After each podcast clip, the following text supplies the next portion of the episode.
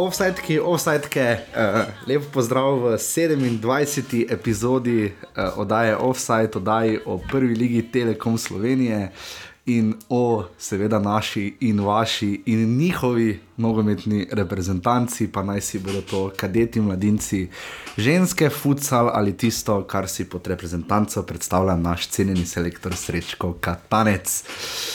Tako bil je pester teden, zelo, uh, med drugim je bila v sredo ob 13. tiskovna konferenca na Brdu, uh, kjer je selektor predstavil uh, um, nove, stare in še malo starejše igralce, ki bodo zastopali Slovenijo na dveh prijateljskih tekmah. O tem bomo govorili.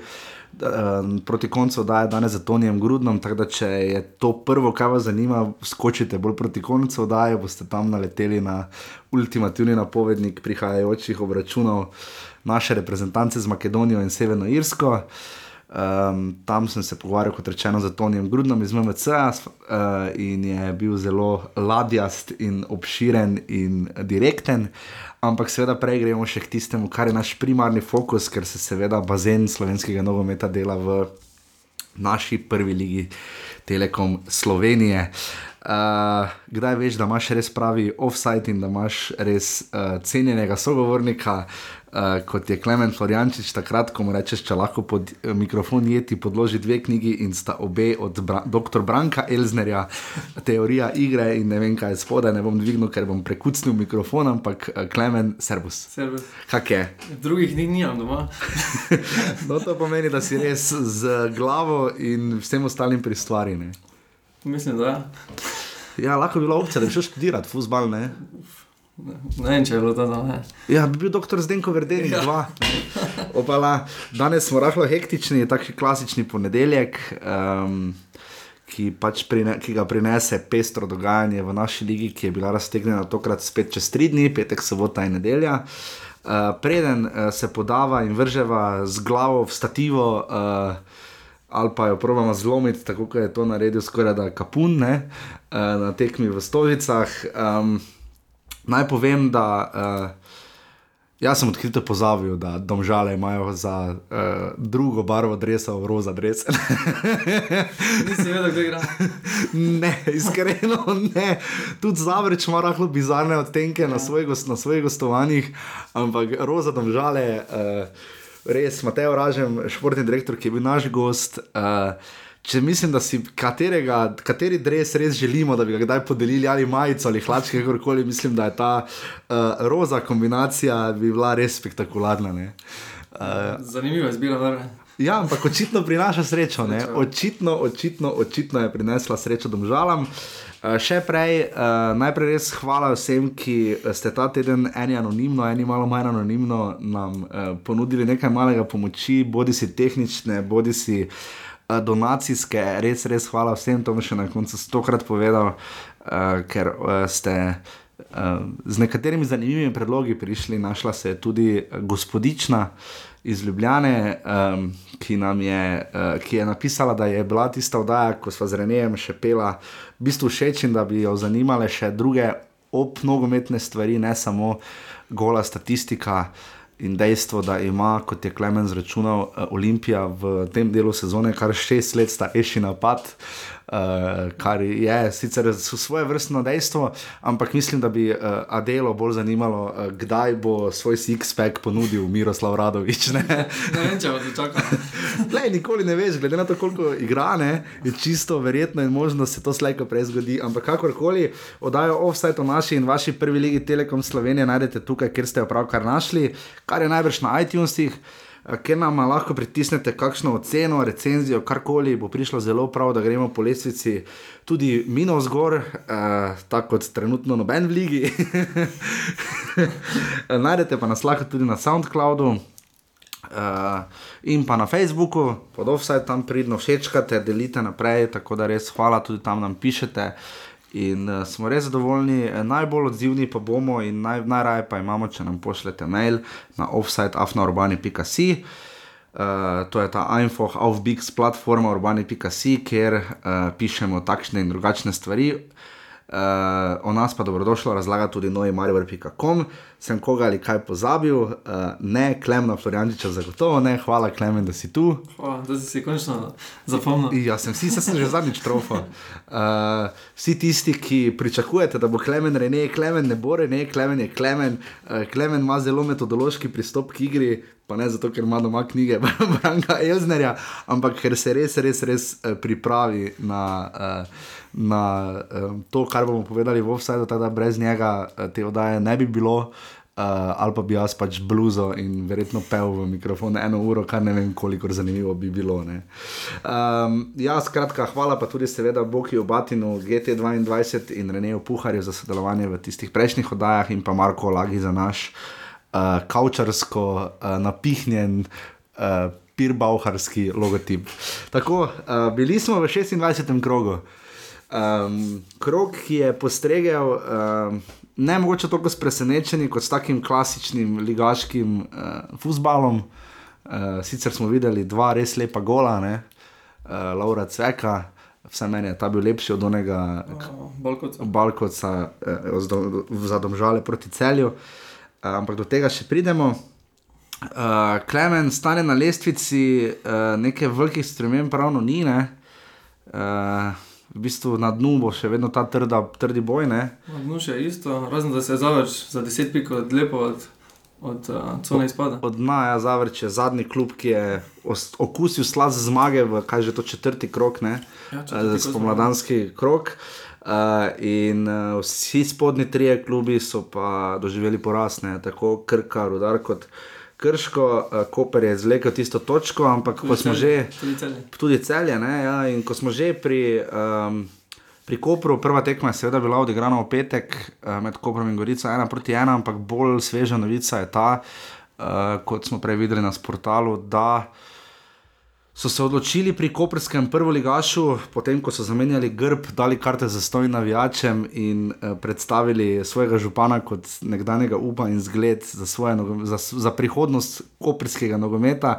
Slavko Matič, vsaj za mene žal, ni več trener uh, Kopra.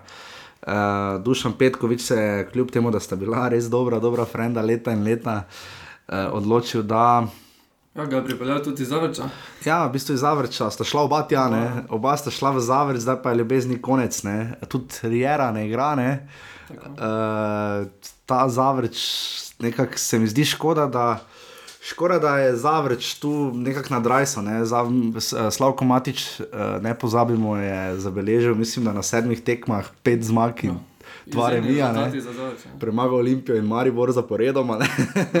in potem odšel v Koper, kjer se mi je zdelo, da bo res uspel dobiti proste roke in neko zgodbo naredil. Ne. Ja, ampak je toliko novih igralcev, uh, štiri tekme so bile premalo. No?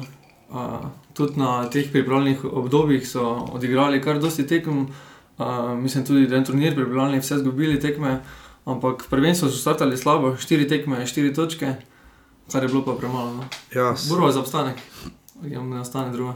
ja, borba za obstanek bo očitno kar eh, Kopru, uh, kar trda predla, če bo šlo tako naprej. Uh, Slavko Matič je po tekmi, te Koper Gorica povedal, da je težko, ko spet upelješ devet novih igralcev. In um, tu je seveda svoja vrstna težava. Um, Ki pač Kopru pritiče, glede na to, kako so se v sezono uh, podali, je pa res zanimivo dejstvo, da je pač Koper res proti Hajduku pokazal dobre predstave in je letos ne nazadnje premagal Maribor v super pokalu po 11 metrov. Ampak je to čist neka druga ekipa zdaj. Ne? Čist, čist druga ekipa in uh, Koper, mislim, da čakajo težki časi, uh, približno takšni, v kakršnih je lani bila Gorica. Uh, zanimivo je, da tu nekako ta koperski, ta primorski, nekako klubi se izmenjujejo. Uh, sem in tja, ampak kako je Koper, Go- Gorica, 650 gledalcev je videlo uh, dva zadetka. Uh, Gorica je bila absolutno boljša v prvem polčasu, nasploh nadzorovala v račun. Zanimivo je, da je bila Gorica toliko boljša, da se Miren Srebrenic celo smejal, ko je dal izjavo, kar vidimo redko kdaj. Uh, in smejal sem se zato, ker pač je njegova ekipa pokazala res dobro predstavo. Gorica je seveda na varnem četrtem mestu z 41 točkami. Uh, in nima nekih resnih bojazni za obstanek, kvečemu bolj za Evropo. Borbo za Evropo, dosti, dosti, dosti prej. Uh, in um, videli smo pač obračun, ker je pač Koper na vsak način potem želel na glavo, da, da ta gol in ime uspelo. Ne? Ja, um, tudi, v, tudi uh, to slabo izbijanje celcev je privedlo tisti na koncu. Uh, so tudi uh, pritisnili v kazenskem prostoru, žoga niso mogli izbiti. Uh, v zadnji sekundi so izenačili. Mislim, da če bi Gorica zmagala, bi bilo povsem zasluženo. Ja, posebno zasluženo. Kaj ti kot trener vidiš, ne? tisto izbijanje žoge, ta badminton odbojka, karkoli je že to bilo? Ne? Mislim, da je bolj problematično tisti prekršek. Ne? Že nasploh, da se zgodi prekršek, da v tistih zadnjih minutah sploh dajo še zadnjo priložnost nasprotniku, potem pa še tu dvakrat izbijanje celce razglavo, ki nikamor ni izbil. Še ena nova priložnost, potem pa nažalost zadetek. Ne? Škoda je, zato ker še imajo zdaj dve, dve težki tekmi, tudi pet tekem so že uh, neporaženi, um, zdaj pa sledijo zaporednoma tekme Olimpija, Maribor, oziroma prvo Maribor, potem Olimpija. Mhm. In um, tu bomo mogli iskati še nove točke. Ja, ta paket, ki prinaša enemu tekmecu vedno zapored, Tako je. oba vodilna kluba, je zna biti za koga kar velik zalogaj. Uh, tren, trenutno se je videlo, kako se je to izteklo in za Krko, in za. Recimo, če je celje vnovčilo to kot Ja, ja, je ultimativno, ne izkoristilo ta moment in premagalo Maribor in remisiralo Ljubljani, uh, je že Krka imela kar nekaj težav, ne, oziroma že proti Mariboru. Ne, uh, pa zdaj bomo videli, kaj bo, kaj bo še proti Olimpiji. Uh, ne bomo videli, kaj, najbolj ga je pa tu, seveda, tam, ko je pa tu potegnil, seveda, velenski rudar, ne, ki je pokasiral. Ki je V dveh tekmah 8 golov dobil. ja.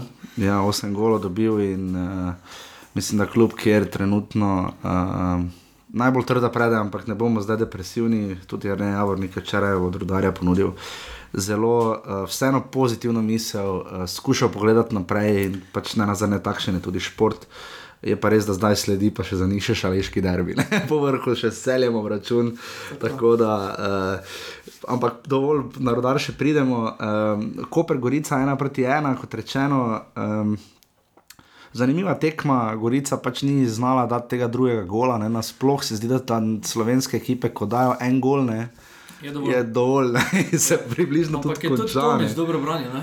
Ja, Tudi- tudi, brani, brani. Brani za drugo tekmo zapored. Ja. Ja. Je tudi uh, Škarabot Škarabot ima prav priložnosti. Gorica je imela priložnosti, da bi zabila še drugi gol, odločila, mm. -hmm. ampak kdo naj zabije, ne. Uh, skoraj pa bi flop uh, lige ja. Gregor Sorčan uh, doživel, ko mu je žoga, popolnoma nenevaren strel, skoraj da spozela med nogami ja. in med uhami v gol.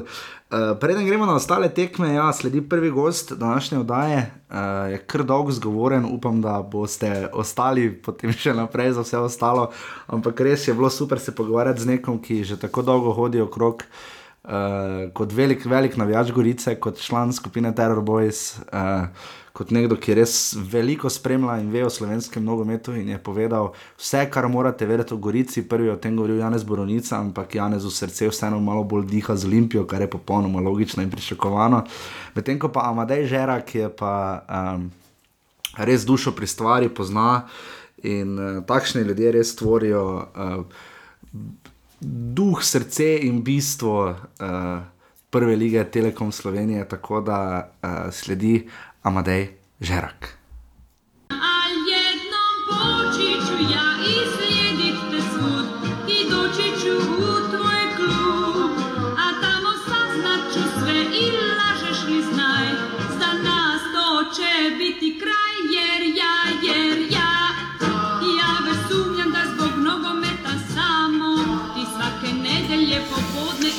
Tako, moj gost je, kot rečeno, Amadej Žerak, se se izgovori Žerak, ne?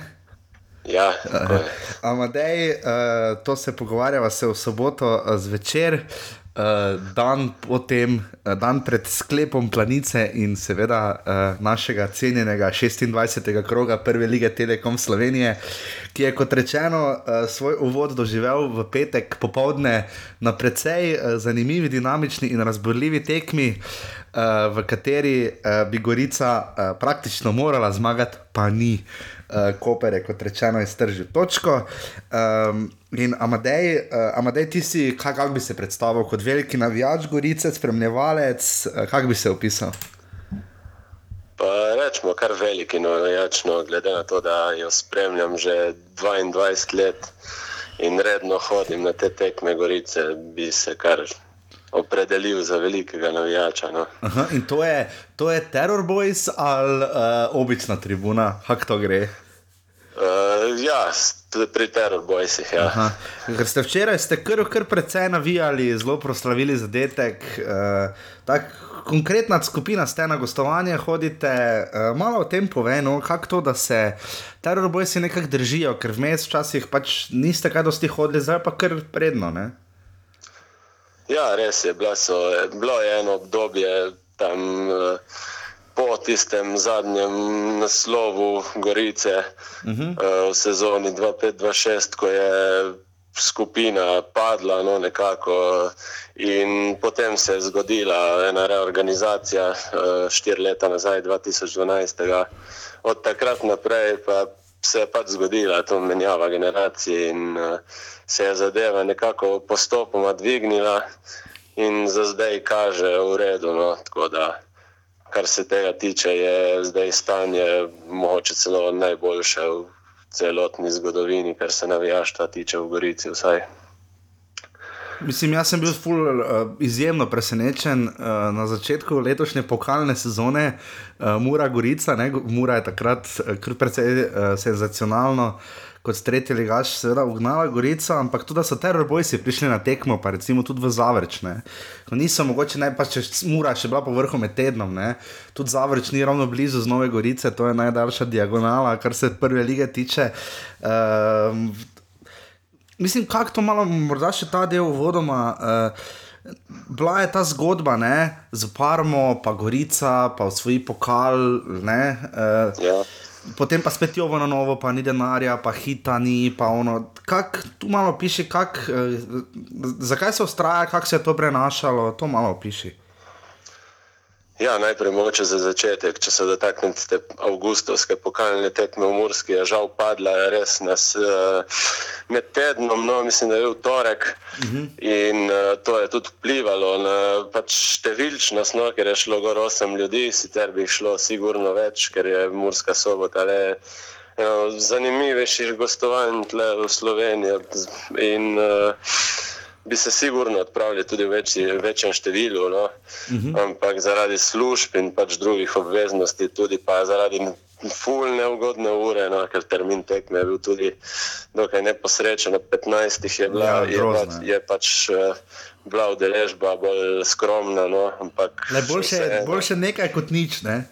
Ja, ja, seveda, seveda. Sej, Zvedno se zda, prisotnost je tista, ki naj, je najbolj pomembna ne, in tudi kvantiteta. Zdaj, mi smo bolj mi nismo, nismo to v rangu Viol in Dragonsov, ki le razpolagajo s toliko večjo bazo navijačev in tudi mesta so toliko in toliko krat večja od Gorice, tako da se s tem niti ne obremenjujemo. In, uh, mi furamo svoj stil dalje po svojih zmožnostih, zavedamo se svojih okvirjev in pač provamo, kar se da podpirati to ekipo, ker mislim, da se fanti to še posebej zaslužijo.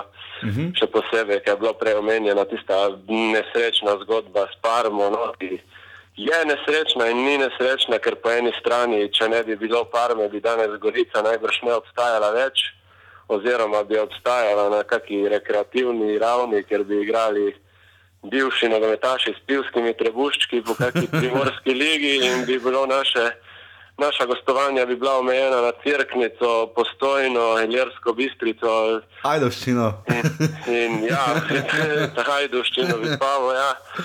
Tako da nič. eh, Po tisti zgodbi Palme je na eni strani, kar se moje osebno mnenje, je tako, da je bila koristna. Ker, pa ne zato, ker je toliko, ker je prinesla to pokalno lovoriko, ampak predvsem, ker je pri, prinesla eno očiščenje, uh -huh. na, vo- kar se tiče vodstvene strukture in vodenja kluba. Predvsem je ta odstop bivše uprave no, s predsednikom Vrtovcem na čelu je, bilo, je bil kar en tak prelomen dogodek, ki, smo, ki ga je velika, velika večina ljudi v Novi Gorici zelo vesela. Uh, ker je zdaj dejansko v klub so prišli ljudje, oziroma da zdaj vodi uprava, ki ima precej bolj uh, realen in, uh, kako bi rekel, temu uh, bolj uh, pogled, ki je bolj stoji, skratka, bolj stoji na realnih tleh kot tisti.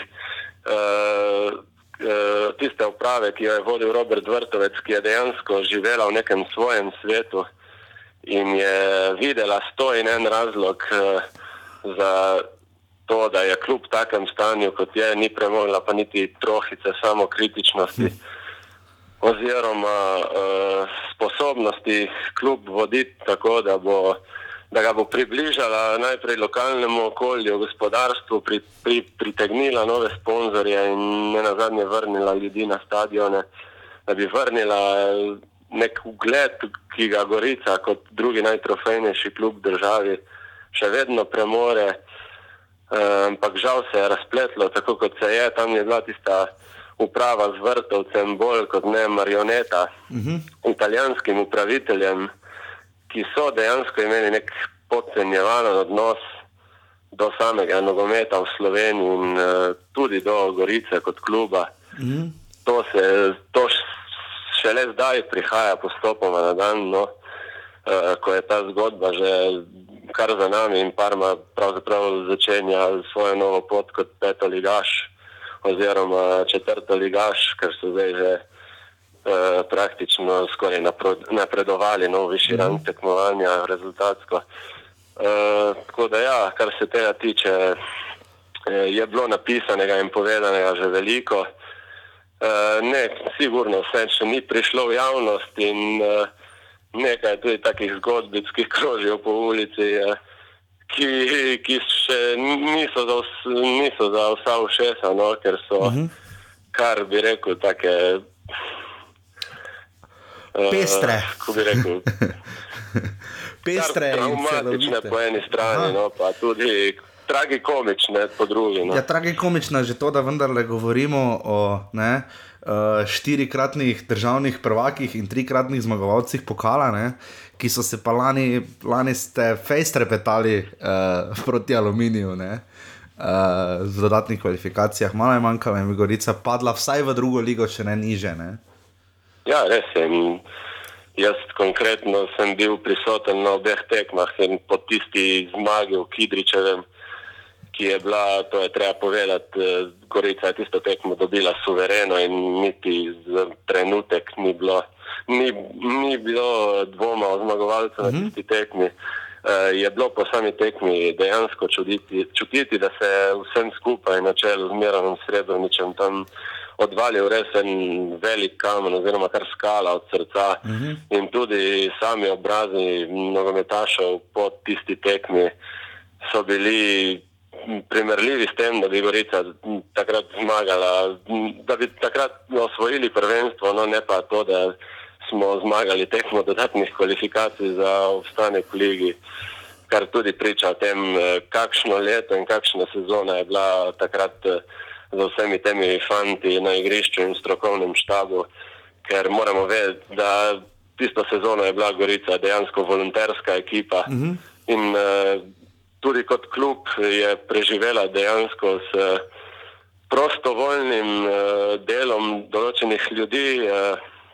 Eh, ki so prisotni v klubu in ki se skozi vsa ta leta dejansko niso toliko izpostavljali, od tehničnega vodja pa do obeh fizioterapeutov in tudi do pomočni, srebrničevih pomočnikov, do samega strokovnega štaba in ne nazadnje tudi igralcev, ki so igrali skoraj celo leto za stojn oziroma za res ne, z minimalnimi prihodki. Uh mhm. -huh. Tako da vsekakor bo ta sezono med tistimi najzvestejšimi privrženci Gorice ostala uh, zapisana kot ena prelomnih v zgodovini kluba, ker dejansko takrat se je odločalo o tem, uh, ali se bo v Gorici oziroma ali se bo na Goriškem še igral prvoligaški nogomet uh mhm. -huh. ali pa bomo tu priča neki 10-20 letni stagnaciji, kar se tiče profesionalnega nogometa oziroma zastopstva v prvi mhm. ligi. Spomnim se zelo tiste prve tekme v letošnji sezoni. Uh, Olimpija je sicer visoko premagala uh, Gorico v Stožicah 4 proti 1, ampak je potis ja. bil zelo dober. Ne? Uh, ne na zadnje velikega je postil, seveda najbolj jasno, Blesinke Leke, pa tudi Šuzdanovič tokom sezone in tako naprej. Uh, potem pa ste kar pridno napredovali in dalj časa držali prvo mesto. Ne? Mislim, da koliko tu gledam, pet krogov, pa potem šest krogov drugo mesto. Ne? Uh, zdaj nekako. Tako se mi zdi, kot da uh, domžale nekako nočejo, ne znajo, kakorkoli ne uspejo poseči v veliki dvoboj prvega in drugega. Uh, Kako se mi tu zdi z Gorico, uh, bi nova evropska sezona za Goričane uh, bila neka ovira, kakorkoli ne. Uh, zalogaj prevelik, uh, kaj, mislim, kakšni so cilji, ne? zdaj Miren Srebrenic, recimo zdaj ravno po tekmi v Kopru, res je lahko bil zadovoljen, čeprav je bil gol na koncu malo smešen, pa pač pomankanje koncentracije, pa pač Koper je pač tisto binglo, tisto žogo sem in tja, ampak ja. uh, je zelo zadovoljen, ker Gorica kljub temu, da ni v popolni postavi, da, da je izgubila Eleke, je tudi Cvijanovič, uh, da tu Gorica vendarle, uh, vendarle ustvarja neko, neko taktiko, neko igro, ki bi pa vendarle lahko posegla malo više. Ne? Ja, res je, res je. Če, se, če začnem kar od začetka, mogoče tisti, tista vodna tekma. Sem tudi bil eh, na Stožicah in uh, tam je dejansko rezultat vara. No, vsaj za tistega, uh Mhm. -huh. ki si tekme ni ogledal, ne, na prvi pogled da, št, eh, se zdi, kot da mm, je rezultat 4-1, tekma nima prave zgodbe, ker dejansko ni bilo tako. Že prvi gol je Olimpije je bil malo. Uh, dvomljiv, no, ker je bil v tisti akciji, se je začela no, z enega prekrška nad širokom, že globoko na polovici -hmm. Olimpije, ker so m, vsi nogometaši Gorice kar malo zastali, ker so pričakovali, da bodo Ljubljančani pač nabili žogo v avto in prekinili igro, ja. ampak so Mhm. nadaljevali z akcijo in potem dosegli zadetek. Drugi zadetek je bil velikanska individualna napaka Celcerja, ki je Mhm. na boku izgubil žogo in tam omogočil praktično lahk eh, zaključek eh, Ljubljančanom in potem 2-0. Eh, rezultat od polčasu je, bil, je bila že kar izdatna prednost. No, pol smo se sicer vrnili z enim golom v igro, ampak spet se je pokazalo tisto eh, glavni problem Gorice zadnje dve, tri sezone, da je realizacija, ker eh, in Eleke in mislim, da prav Eleke konkretno je igralec, ki, je, ki bi lahko imel že po jesenskem delu na svojem kontu minimalno 16, 17, mogoče celo 20 zadetkov, ker je to res igralec, ki je imel neverjeten odstotek eh, zapravljenih priložnosti. Praktično so bile tekme, ker je imel 4-5 zicerjev, enako morda velja za Burgiča na nekaterih tekmah, zdaj pa eh, žoga. Eh, Žoge nismo bili sposobni spraviti gol, in potem, eh, če ga ne daš, dobi, ga, ne, ga dobiš, Ja, ne nogomet te le kaznuje. In to se je zgodilo kar na nekaj tekmah letos, tako da smo eh, na nek način na parih tekmah, dveh, treh tekmah po neumnem izgubili točke, po, na ne, dveh, treh pa so tudi sodniki dobesedno okradli Gorico, to trdim ne kot navijač, ampak tudi maksimalno objektivno. Vsi smo mm -hmm. videli, naprimer, kaj se je dogajalo na tekmi, na predzadnjem derbiju s Koprom v športnem parku, ki je imel že na smešnico. Kjer so prepovedali škarice. Ja, eh, ko so se nogometaši Kopra igrali skrivalnice z nogometno žogo, kar sem sam videl prvič, odkar spremljam prvoligaški nogomet. Res je. Eh, drugače pa, če se dotaknem še ciljev, ja, uh, lani je lep primer, kaj se zgodi, če, če eh, v Evropo greš uh, Ja. neustrezno pripravljen oziroma preveč ambiciozno je celje, ki je lani ja. uh, igralo mm, za moje pojme enega lepših eh, futbalov v zadnjih letih pod eh, vodstvom Rožmana, tudi zasluženo, uh -huh. prišlo v finale pokala in ga, po mojem mnenju, sicer zasluženo izgubilo, ampak eh, sem jim tam privoščil, da bi dobili Lovoriko. Ja, zaradi te igre, da bi- Dejansko skozi Mhm. celo sezono, mislim, sploh v jesenskem delu so prikazali daleč najlepši futbol v ligi. Uh, tako da potem pa jasno, s, s prodajo parih nosilcev igre, uh, taka ekipa kot je Celje in tudi Gorica, ne na zadnje, lahko čuti eh, posledice, ker nima tako š, širokega kadra in uh, pač notranje rezerve so tudi omejene. Tako da zdaj sigurno cilj, cilj Gorice v tej sezoni je, da pride v Evropo. Uh, to je Srebrenic večkrat poudaril, tudi ne skriva tega. Uh, mislim, da je tudi Gorica že toliko izkušenj ima z igranjem v Evropi, predvsem tudi trenerski štab in to, da bi znali uh, ekipo ustrezno pripraviti. Zdaj izgubili smo Elekeja, Cvijanoviča, ki je itak uh, bil samo začasna rešitev tam v jesenskem delu. Mm -hmm. Ampak mislim, da vseeno, če, če je Srebreniču treba karkoli priznati, je to to, da je mojster tega, da praktično vsakega igralca zna iztisniti maksimum in da se ne opira enega igralnega sistema, ampak dejansko zna prilagoditi igralni sistem uh, igralcem, ki jih ima na razpolago, kar smo videli tudi včeraj v Kopru, ko je Gorica igrala 4-3-3, ker je bil to edini sistem, ki, ki bi lahko na tej tekmi igrali. Zaradi ker smo imeli ja. eno linijo, da bi se Mhm. nas desetkano zaradi kartonov in poškodb oziroma bolezni. Mhm. In uh, ja, uh, jaz mislim, da bodo fanti sigurno do zadnjega se borili za to tretje mesto z domžalami, ki so tudi zdaj na zadnjih dveh tekmah nastopili oslabljene, ampak nekako ohranjajo, oziroma zdaj so še, še celo povečali prednost. Ja, zmagali so. Ja. Vendar pa sam mislim, da bo to podobno kot eh, ta dvoboj uh, Olimpije in Maribora za naslov, da, bo tudi, da bosta tudi Domžale in Gorice tekla tam mrtvi tek do, do samega zaključka mm. prvenstva. Pa seveda pomaga tudi trenutno, da Gorica seveda še ni okusila poraza. uh, V, jes- v spomladanskem delu, uh, edino gol razlika ni ravno najbolj ogledna, ampak klinc, koga to na koncu leta zanima, noben ne ve, koliko je gol razlika. Gorica ima seveda trenutno plus dva gol razliko.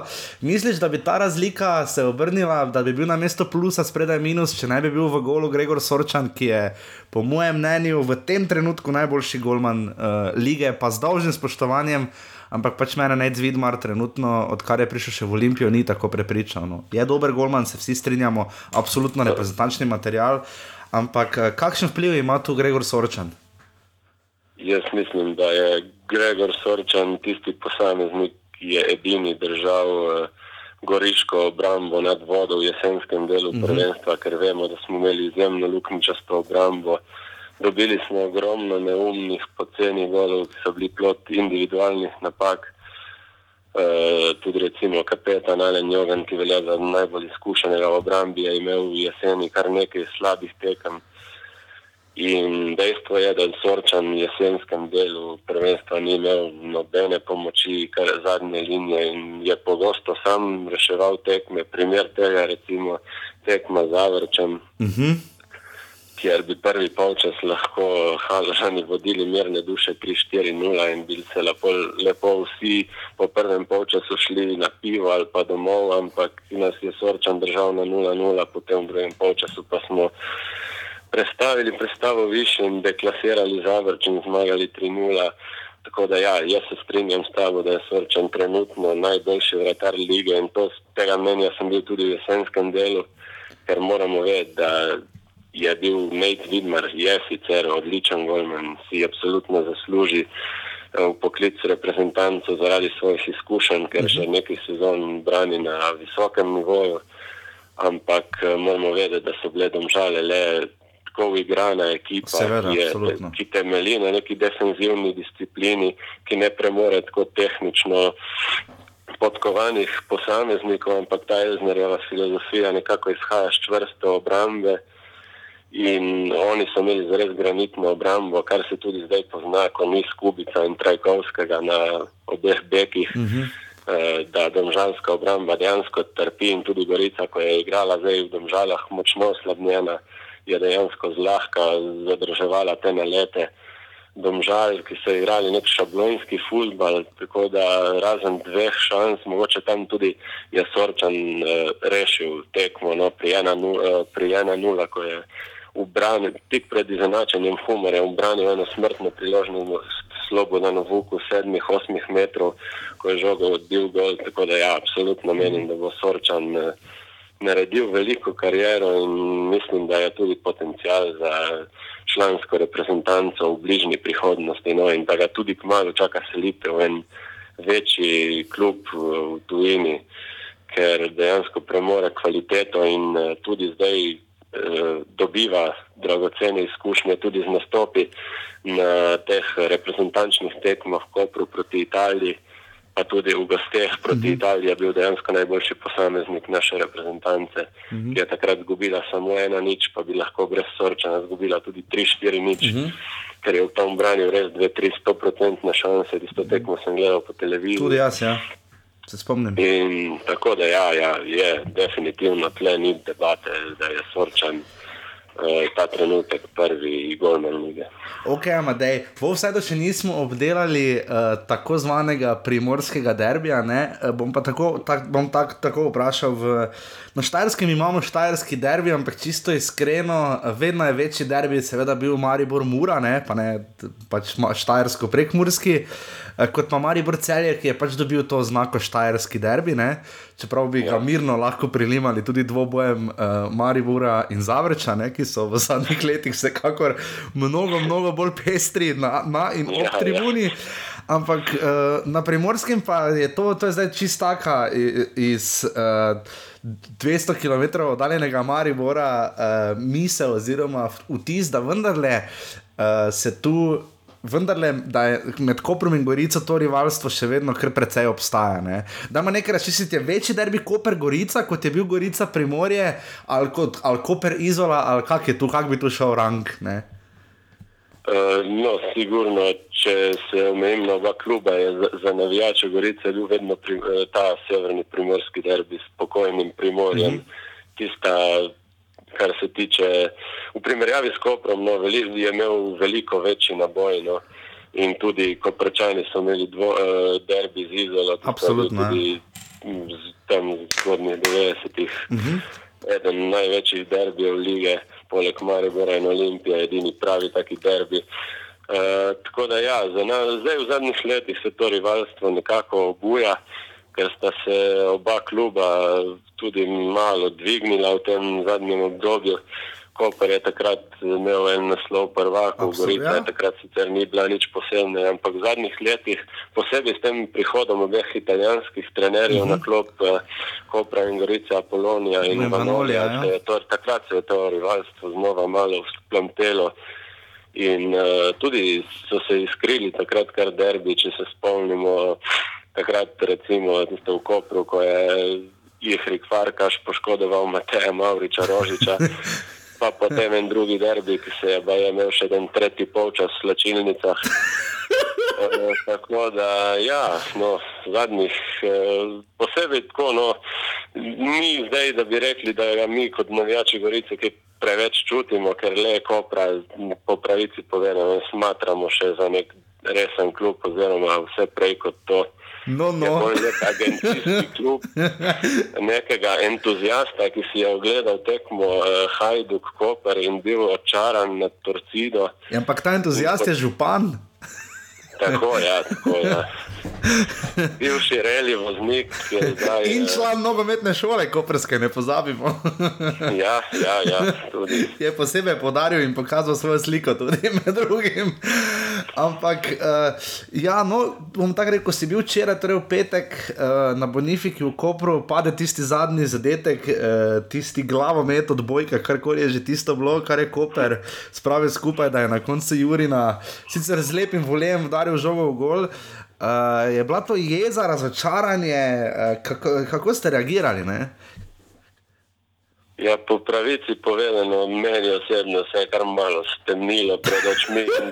V tistem trenutku, ko dejansko noben ni vedel, katera minuta podaljška teče, ker niti četrti sodnik ni nič signaliziral. Takrat... Sem gledal po Twinu, tako da me je tudi čudilo, ker bila je 90 plus 4, tako da ja, globoko, ja. globoko. Ja, ja pač tega smo že vajeni tudi. Ne? In uh, ker smo imeli že eno neprijetno izkušnjo v četrti finalu pokala, ker smo izpadli ravno tako proti Kopru, ker smo prejeli gol za 3-1, ki je potem peljal tekmo podaljške, ker smo z dvemi igralci manj tudi izgubili in bili izločeni iz pokala, potem ko smo prvo tekmo dobili 3-1.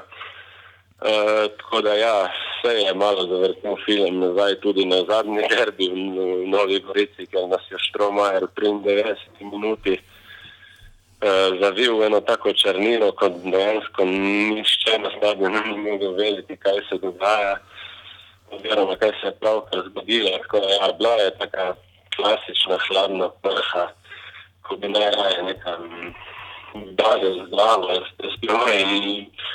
Ampak ja, to je moment.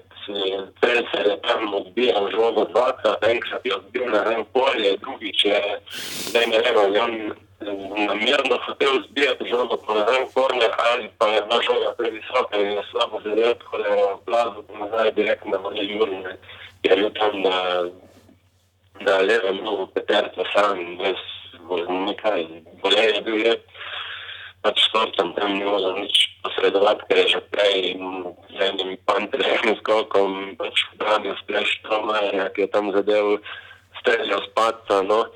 In nič, vse je lepo povedal tudi Srebrenič, da to je bila pač čisti zadetek iz obupa oziroma sreča na bitek, ki je pač tokrat nagradil kot pečanje, Gorica bi se zaslužila zmago, zdaj nesli smo piko. Uh, to je tam, umet je krut in krut je lepa igra in večkrat se zgodi, da je zadnja žoga na tekmi prevesi tehnika na eno ali drugo stran. Mhm. Morda ima zdaj še to, ker uh, naj jo malo signal heca, ampak za zdaj te jaz še koliko toliko slišim, upam, da, nas, da te bodo tudi poslušalci. Um, zdaj, Novogoriški športni park, jaz sem tam bil, uh, stadion je takšen pač tipski, atletska steza na eni strani tribuna. Uh, ni ravno med najnovejšimi objekti, to je res, uh, je pa res, je pa lep atletski objekt, to pa najbrž drži. Je vendarle stadion, uh, kjer je.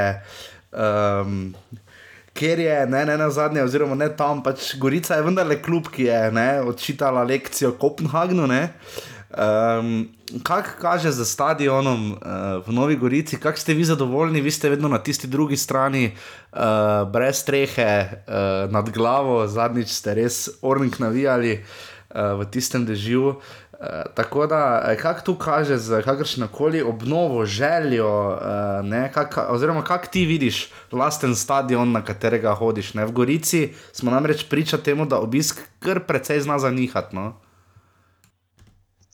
Uh, kar se tiče stadiona, pa so ravno v teh dneh uh, so začeli z nekimi deli na vzhodni strani stadiona, se pravi nasproti glavne tribune, oziroma tam naprej od uh, našega boksa.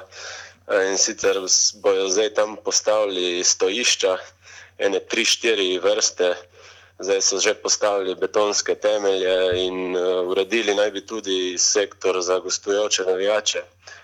Tako da tudi predsednik je zdaj na zadnji predstavitvi dela mladinske šole, ki je zdaj dobila novega vodjo, govoril o tem, da se pripravlja postopna prenova celotne te celostne podobe kluba in Gorice kot blagovne znamke, da jo želijo približati prvi vrsti ljudem v lokalnem okolju in jo narediti tudi bolj prepoznavno na tej lokalni in tudi državni ravni. Uh -huh. Se pravi, tle v prvi vrsti mislim, ta marketing zdaj ponud, so dali v ponudbo neke nove šale, koledarje, drese, take stvari. Tako da na tem, kar se tega tiče, se premika naprej. Tudi stadion, v načrtu je, da se postopoma posodobi stadion v športnem parku, ki že praktično desetletja ohranja enako podobo. In zdaj najbrž bo tle, kot pri vsem, imel glavno besedo denar, oziroma bo od finančnega stanja, oziroma finančnih zmožnosti odvisno. Kako in v kakšnem obsegu se bodo ta dela izvajala, sigurno pa se stvari pre, eh, spre, premikajo na bolje. Tudi zdaj so dokončali slačilnice v, uh -huh. v športnem parku, tako da zdaj domača in gostujoča slačilnica sta povsem sodobni nogometni slačilnici. Recimo domači slačilnici imajo nogometaši Gorice, vsak svoj box, lesen, svojo sliko. Aha, tako da je uh, super. In je, ja, pa noter se na, smo na, so napleskali dva motiva, pa neko to geslo kluba, ki je naše mesto, naš ponos. Uh -huh. Tako da, kar se tega tiče, vse se počasi zadeve res pre, premikajo na bolje. In, tudi predsednik se zaveda, da sam eh, kot eh, sama uprava eh, vsega ne more sama, tako da se veliko zanaša na to tudi prostovoljno udarniško pomoč vseh, ki jim je kljub nekako blizu, ki ga čutijo za svojega. In uh, mislim, da je na pravi poti in ima neko celotno vodstvo, ima neko pravo vizijo, ki ni veliko potezna, ampak je, stoji na nekih realnih temeljih. In zato se lahko nadejamo, da bo to steklo tako, kot je treba, in da bo Gorica kot klub postopoma sezone v sezono rasla na vseh eh, ravneh. Kar si kljub, seveda, s štirimi naslovi zasluži. Amadej, na kratko, vem, da je tema dolga za 26 offsajdov, ampak glede na to, da sledi reprezentančni premor, eh, mimo grede, eh, slovenska nogometna reprezentanca je odigrala dve tekmi v Novogoriškem športnem parku, ki ima 3066 sedežev, to drži? Recimo. Ne, ne vem, če drži. Glavna tribuna, mislim, da jih ima 2300, ampak ne me zdaj držati za besedo. Aha. Takrat so bila mogoče ušteta, še na drugi strani, na tej vzhodni strani so bile neke manjše montažne tribune, uh -huh. ampak mislim, da glavna tribuna eh, sprejme vsega skupaj 2500. No. No, reprezentant, slovenska reprezentanca je odigrala dve tekmi v Novi Gorici in jo prvo konkretno je izgubila. Se spomnim tiste grozne žalosti proti Švici leta 2003, ena proti pet. In pa tudi ja, ne na tekmi, ja, No. In tudi ne pretirano navdahnjena predstava proti še enim severnjakom, ki jih ne ravno severnjakom in dancem ena proti dve. Ampak to ni bilo moje vprašanje. Moje vprašanje je, uh, tekma v sredo je tekma z Makedonijo v, stoži, v, v, na Bonifiki. Um, Povej mi, eh, kak ste teror bojci, oziroma eh, kak si ti, ali pa kak nasploh. Uh, Nekako se zdi, da združenih slovenskih navijačev, že seveda vsi vemo, lep čas ni, ampak kakšen je novogoriški pogled na uh, črta, vstavi po potrebi zgodba, ki jo peljeta, uh, porivata ali s šajtrgo vozita Aleksandr Čeferin in Srečko Katanec. Boste šli ja, Ja, navijati, to sprašujem. tiče- Ne? Eh, Kar se tiče naše skupine, v, smo se udeleževali teh reprezentančnih tekem, od vedno smo praktično bili zraven eh, v zadnjih kvalifikacijskih ciklusih, ampak po tistih kvalifikacijah za svetovno prvenstvo v Južni Afriki, kamor smo se uvrstili, je, kar se tiče organiziranega navijanja na reprezentančni sceni, v bistvu ni kaj pametnega zapovedati tle, ker je stanje dobesedno porazno, tudi zveza mislim, da nima pravega posluha oziroma ne razume dovolj. Ma pa trigger. En- Ja, ja. Pa Slovenija, supporters, pa podobne organizacije, ki so si sami sebi namenjeni. No. Ampak eh, sej se vidi tudi ta odnos do organiziranih navijaških skupin, iz tedna v teden, ko beremo tista smešna poročila disciplinskih Ja, sodnikov seveda. ja. ki nalagajo kazni za nekaj, kar v bistvu daje dušo temu slovenskemu nogometu in ki je edino, recimo konkreten primer derbi Maribor, Olimpija, zadnji derbi v Ljudskem vrtu, kjer je bil nogomet za moje pojme v najboljšem primeru povprečen mm -hmm. in je bil daleč od kakšne evropske ravni, ker se opazno vidi, da Maribor in Olimpija nista več enaki ekipi kot v jesenskem delu, ker, sta, ker jim Sta, opazno. samo zdaj vidimo, kakšni sta ti ekipi bili leta 87, ampak dobro. Ja, ja, ja, to je res. Ja. E, tako da, no, mislim, dokler se bo nadaljeval tako odnos, da se bo dejansko kaznovalo nekaj, kar je vsem civiliziranem nogometnem svetu, se smatra za normalno in nepogrešljivo, in dokler se bo služilo na tak način na, na plečih navijačev, ki žrtvujejo svoj prosti čas in denar za to, da podpirajo svoje klube v dobrem in slabem, eh, mislim, da ta reprezentančna zgodba nima ravno neke lepe prihodnosti. Tudi to menjavanje prizorišč je malo, že malo izpeto in eh, bi mogli tu se na nogometni zvezi dejansko odločiti, kje se bodo igrale reprezentančne tekme. Ker če recimo precej večje države kot nas, od, od Slovenije igrajo reprezentančne tekme na enem stadionu, na nekem nacionalnem stadionu, ki ima določen pomen oziroma simboliko eh, reprezentančno, potem bi lahko tudi nogometna zveza Slovenije storila na tem področju precej več kot trenutno dela. eh, No, ampak vse veš, da proti argument bo, da to počneta, ne vem, tudi Italija, pa Španija, pa tako naprej, ampak iz Ja, ja, se, se drugih potem pa vidimo, kakšno podporo imata Italija in Španija na reprezentančnih tekmah, ker praktično resnih navijaških skupin niti ni, Mhm. oziroma neke navijaške scene na tekmah reprezentance Italije že mm, dolgo, dolgo časa ni. Ni, ja. Mhm. Amadej, uh, najlepša hvala, bil si fenomenalen gost. Mislim, da boš kar uh, počasi, mislim, da boš po tem, kar si vse povedal in kolikor veš, in kako zelo vnet privrženec si. Mimo grede si preštel, kdaj na kolikih tekmah si bil gostovanih in domačih, Gorice, seveda. Uf, na gostovanjih. Kdaj si šel prvič na gostovanje? Kako? Kdaj si šel prvič na gostovanje za tekmo Gorice? Uh, prvo tekmo, moja prva tekma v gosteh uh, je bila leta 96 v Ljudskem vrtu, Maribor Gorica 2-0, ampak to sem šel uh, z očetom, uh, navadno, kot navaden gledalec -hmm. na stari zahodni tribuni sem bil. Uh, to je bila moja prva tekma v gosteh, zdaj gostovanj pa se je nabralo že počasi se približuje tam tromestnemu številu. No. Tako da v kratkem upam, da bom presegel to stotico. ampak, Tudi mi. eh, Ja, Amadej, to je bistvo nogometa takšnega in drugačnega.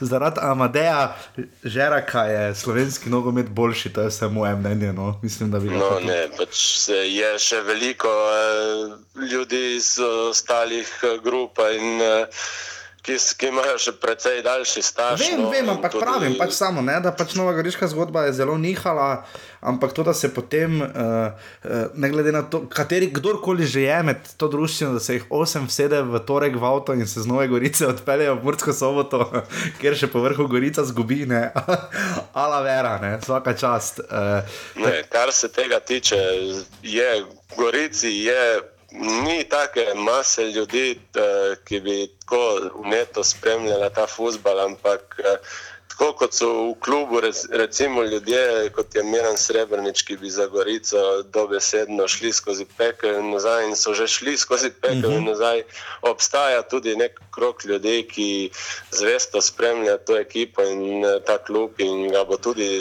vedno spremljal, pa če bo to prva liga ali pa peta liga, kar sicer upamo, da se ne bo zgodilo, ker če se to ni zgodilo.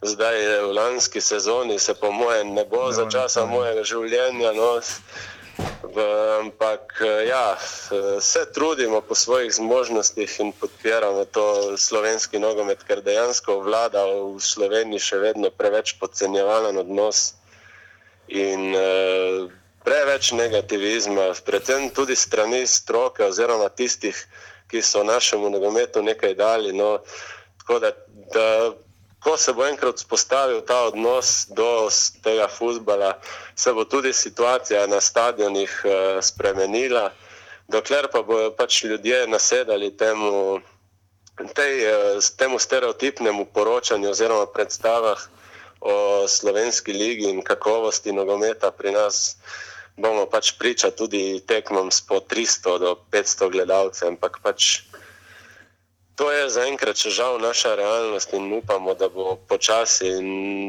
se izboljševalo in da bodo naslednje generacije še bolj množično obiskovali te tekme prve lige. in to si seveda želimo vsi in tudi oddaja Offset. Amadej, hvala. Hvala tebi, lep pozdrav vsem poslušalcem. A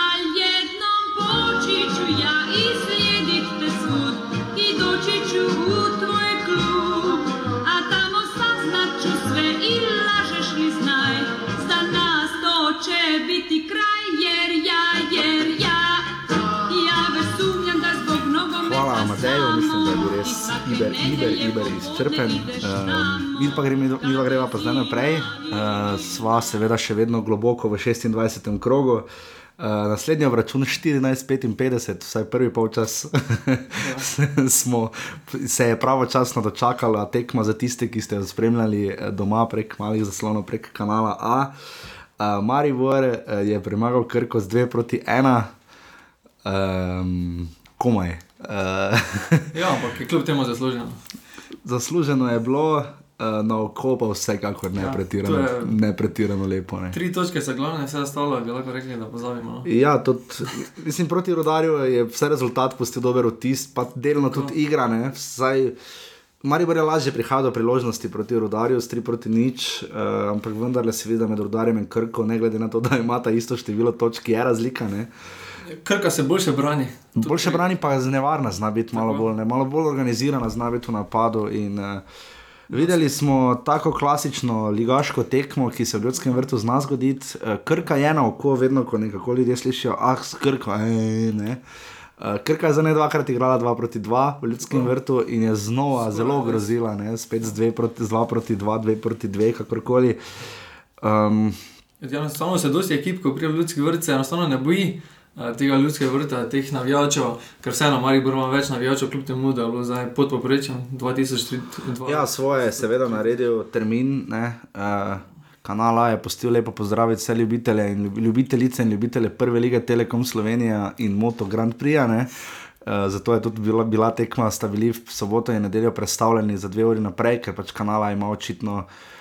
Seveda ima pravice za Moto Grand Prix, ki smo lani gledali, seveda zelo razborljivo sezono, ampak vendarle so s tem dali nekako vedeti, da očitno bojo prioriteto dali čem drugem, ne glede na to, kakšne rezultate gledanosti so imeli na derbiju in glede na to, da liga predvidevam, da ni slabo gledana. No? Ampak uh, tu se mi vseeno zdi škoda, uh, pa se še pridemo na koncu do tega, ampak lahko bi po mojem glih tako dali tekmo v osmih. Ne? Uh, mislim, da bi v tem primeru, zdaj ko so dnevi daljšajo, naslednji teden se še ura premakne. Ne? Lepo vreme je bilo, planica je bila in mislim, da bi vsem skupaj malo bolj odleglo, če bi tekmo bila malo kasneje, no. boljše kot pa prej. No. Vsaj meni se zdi, da se je to poznalo na obisku. In v Mariboru upam pa si delno trditi, čeprav bo zato seveda vsi v Mariboru vluskočili, ampak si da, upam trditi, da bi bil večji obisk morda tudi v Ljubljani, če bi tekma imela malo boljše ura. Ampak kakorkoli, um, bilo je 3000 ljudi, tako je vse povedal Stiperič po tekmi. Um, Deki Toplak je v prva liga, pika si v tipko 2,800, kar bi s čimer pač 200 ljudi gor ali dol, ne? varnostniki pa fuzbaleri pa si tam. Ne? Um, uh, Kostanjšek je zabil, ne? Ja, hitro vodstvo, eh, tudi to je spremenilo eh, tekmo. ne. Um, Zaradi tega pa še rdeči karton vršiča. Um, Ok, ampak da se ostaviti malo pri golu krke. Ne? Eh, Bolj kot to, da je Miha Kostanjšek uh, pospravil tisti lepi predložek po tleh, ne? je to, da je Bruno Maroti gladko prešprintal ali šmertlja. Ali šmertlj, tako se ni mogel obrniti, faula ni mogel narediti na njega. Ja, ni šlo, ne, ni šlo. Enostavno obrambni igralec je v, je v drugačni poziciji kot, eh, kot napadalec, on je bil v prednosti, žogo si mimo potisne, enostavno druga ne preostane. Lahko bi ga podrl, pa še to ni mogel, ampak ga spustiš. Ne? Ja, tu se pokaže, kar smo že zadnjič govorili po, po, na- po, po tekmi z rodarjem, ne, da Maribor ima v bistvu polvezne linije v, Ja. v obrambi in to se je poznalo tudi na zadnje predložek v center. Ne, ja. Obramba bila skrajno neorganizirana. ni dobro ocenil uh, predložka. Tu ena na ena so pač Maribor v teh primerih so slabi. No. Uh, imajo težave, ampak v, v primerih kot uh, z rodarom, ko teh, teh situacij je bilo manj, ko ima več v nogah, pa tukaj ni težav. Ne. Ja, pač, ampak problem nastane tudi. Okay, Maribor je dobil gol, Handanovič ni mogel nič, naredil je kar je lahko, tudi zelo dobro je spet branil, eh, še vedno se. Jaz mi Handanovič ostaja z naskokom najboljši igralec obrambe v Mariboru. ne. Um, Kljub letom. Ne. Ja, ampak bolj Maribor je, ja, kljub letu, Maribor je imel bolj tekmo sam s sabo spet. Uh, se zdi, da pač Krka je pač nek provizorični način za reševanje ali pa ne, kakorkoli reševanje lastnih težav in problemov. ne. Uh, Maribor nikakor ni zmogel z žogo po sredini, ne. kar je šlo proti, ali pa spred, vsaj s preskok igro po sredini, kot je bil Golbaj Deta po podaji Filipoviča v Velenju. Maribor je paro živce svojim navijačem, pojavili so se žvižgi, ljudje so bili vidno nezadovoljni. Seveda. Vsi, razen Darka Milaniča, ki je po tekmi povedal, da je bil zelo zadovoljen z prvim polčasom. On je drugo tekmo gledal. Vem. Jaz razumem ta Zen, New Age, Buda, Om varianta, ki jo Darko Milanič zdaj očitno izžareva. Uh, ali enka Maribor to v tem trenutku potrebuje? Absolutno. Ne? Absolutno potrebuje nekoga, ker najslabše bi bilo, da bi zdaj Milanič rekel, seveda igramo za nič. Ja, ampak treba biti tudi realen, da ne. Uh, tudi to, kar si rekel, tudi vršič je dal enak zadetek po sredini. Na tavare je šel na silo skozi med igralce, enostavno tudi odbila se je žoga, uh, so zabili tak zadetek, ampak um, enostavno se ve, ne moreš reči, smo, smo slabi za nič. Uh, poskušaš nek, še, še nekaj uh, motivirati uh, navijače, gledalce, uh, igralce, bo boljše, da bo moglo biti boljše. Tudi Absolutno, to se strinjam, ampak pač težava, ki jo ima Darko Milanič, je, da karkoli je naredil, ko je še potem poskrbel z menjavo Rahmanovič Bajdene. Ba- Gregor Bajde je bil najbolj gibljiv člen, že tako ali tako negibljivega napada. Ne? Uh, in potem ga ne Bajde je igralec potezo več, igralec, ki želi, hoče, prodira na silo. Ne? Vse Tavares je tudi, ne? ta, če ne bi Tavares šel kot tank, ne? Ja, saj. ki je proti Krki to naredil že v novem mestu, ne? in kot mi je Urban Kramer, eh, naš gost, mislim, da 25. ali 24. offsajda, ki sem ga utegnil spoznati po tekmi. Uh, mi je sicer off the record povedal, ampak vse to smo vsi videli, pač vedno Tavares nekako pokople krko, ne? Urban lepo zdrav tudi tebi. Tudi uh, pomočnik uh, trenerja je povedal. Ja. Uh, ja, Matej Sever, ja, uh, Matjaš Sever, pardon, se opravičujem. Malo smo imeli težave, kdo je zdaj Matjaš Sever, ker Matjaš Sever je prišel, mislim, na tiskovko, na tekmi je bil pa en drugi gospod. ne. Uh, se upravičujem, da ne vem imen ali če sem jih kakorkoli zamešal, ampak uh, skratka. Uh, Krka se je spet postavila proti Mariboru, kot se zdaj postavi večina lige. ne, Ja. Z uh, zelo uh, pustijo, jim, uh, pustijo jim veliko prostora med uh, obrambno in vezno linijo. Ne? Ja, jim dovolijo predložiti. Dovolijo jim, dovolijo jim po bokih še ne, ampak se, spred, na sredini so pa zelo trdni. Maribor je tako ali tako podobno igral tudi jeseni. Razlika samo je, da ni več Petra Stojanoviča, da, da s- ne zmenjava z Ibrahimom, Ibrahim več ne prodira v sredino, na levi strani pa je rotacija Erika Janže in Mitja Vilarja poskrbela. Da zdaj Mitja Viler deluje konkretno, ne v formi, ni stabilen, je odkrito povedano počasen, ima težave, eh, je pa on tisti, ki ga vedno vezna linija čaka in gleda, kdaj bo pritekel po levi strani. Ne. Ampak problem Krke je v tem, da ko se pa oni morajo odpreti, pa oni igrati, pa enostavno ne odstopajo od te igre, tudi ko so imeli igralce več, enostavno niso mogli. Bi lahko. enako, ne? lahko bi, ampak enostavno ne odstopajo od svojega koncepta igre. Imajo neko taktiko, po kateri igrajo vse tekme, tudi proti ekipam, ki so na slabše, mislijo, Mhm. ne, da so na tekmi slabši, ampak enostavno ne morejo toliko zadetkov zabiti. ne. Ker zdi se mi, da Nana Welbeck, meni zelo všeč igralec, taki mali, gibljiv, kreten, hiter, je probal, edini tak ne, hitro žogo vzel, pa pogledal, kam bi dal žogo na bok. Seveda. Ne, in, uh, in tu bi Krka lahko, Krka bi lahko to tekmo dobila, ne, tudi z 2-3 nič, ne, z malo več drznosti, ampak razumemo kompaktnost in borbe za Dovolj točke. bi bilo tudi remi. No? Dovolj bi že remi bil, seveda, To je že v- velika za Mariborom, ne, ampak Maribor je bil tokrat v prvem času tako ranljiv, da bi lahko dobil še en gol. ne. Zraven tega pa sta še manjkala dva igralca, ki sta zelo pomembna, po mojem, EU pa Mhm. Pa Fuček. Fuček, ne tako da že, že to krki, to, ali to, ne vem, ali to pove več o krki ali o Mariboru. Ja, Ne? to, kot da ne bi bilo na primer. Ne, Recimo. Ne, Ampak dobro, to da ne bi bilo tavaresa, morda ne, če so ljudje, ki zdaj pač razmišljajo v smer, da Mili Vojen Novakovič in Marko Tavares ne morete igrati skupaj, ampak morda bi se tu še odstavil za moment. To, uh, poglejte si posnetek, kako grozno fejst je Marin Perič prešprintal Dareta Vršiča. Ne. Še ko je žoga najprej brcno, brcno žogo, žogo brcno. Prazen prostor. Ne? v prazen prostor, v redu, sta tekla oba brez žoge, ampak potem je pa žogo dobil in je bil z žogo hitrejši od njega, ampak to tako brutalno hitrejši. In potem je Dare vršič v najboljši veri, ne? on pa defenzivnih sposobnosti nima. Drugi Ne, je res peh. Ja, ampak če ga spusti, res računa ena na ena, če ga podere, vidi da je rdeči karton, ampak problem je bil pri drsečem startu, ker je šel z narobno žogo izbijati. Znova, ja. Mesto z desne, šel z levo. Znova je in žogo Plus potem tega je žogo zgrešil. zgrešil. Z obema nogama vmes, ja. Z desno žogo, z, desno, z levo nogo je hotel izbiti žogo, jo, iz- jo, jo zgrešil žogo, potem pa z desno nogo ga spodnesa. Mislim pač to. Vem, že, ampak pritisk je bil v tem, ker se je cel stadion ljudski vrtce ne ravno smejal, ampak bili so, uh, glasno se je slišalo, kako ne, neodobravanje tega, da je Perič tako brutalno že prešprintal Dareta Vršiča, potem Dare Vršič dobi rdeči karton, popolnoma zaslužen tu Roman Glažar, tu nimam pripomp, ne, ampak uh, absolutno rdeči karton ni dileme. Ne. Večji problem pa je, pa, da vidimo, da vršič enostavno ne more igrati na poziciji krila, ne primerjavi z enim salnikom. Uh, ki naprimer, je dosti, dosti hitrejši. Tukaj vidimo, da vršič enostavno ne more igrati na takih pozicijah, ko bi to bi vršič, oziroma naši igralci krilni, bajde, bi mogli to, ta, take, take akcije izdelovati. Ne? Ja, in Ampak tu se je videlo, da- Kot v tej sredini vezne linije, enostavno mu, mu tudi najbolj paša. No?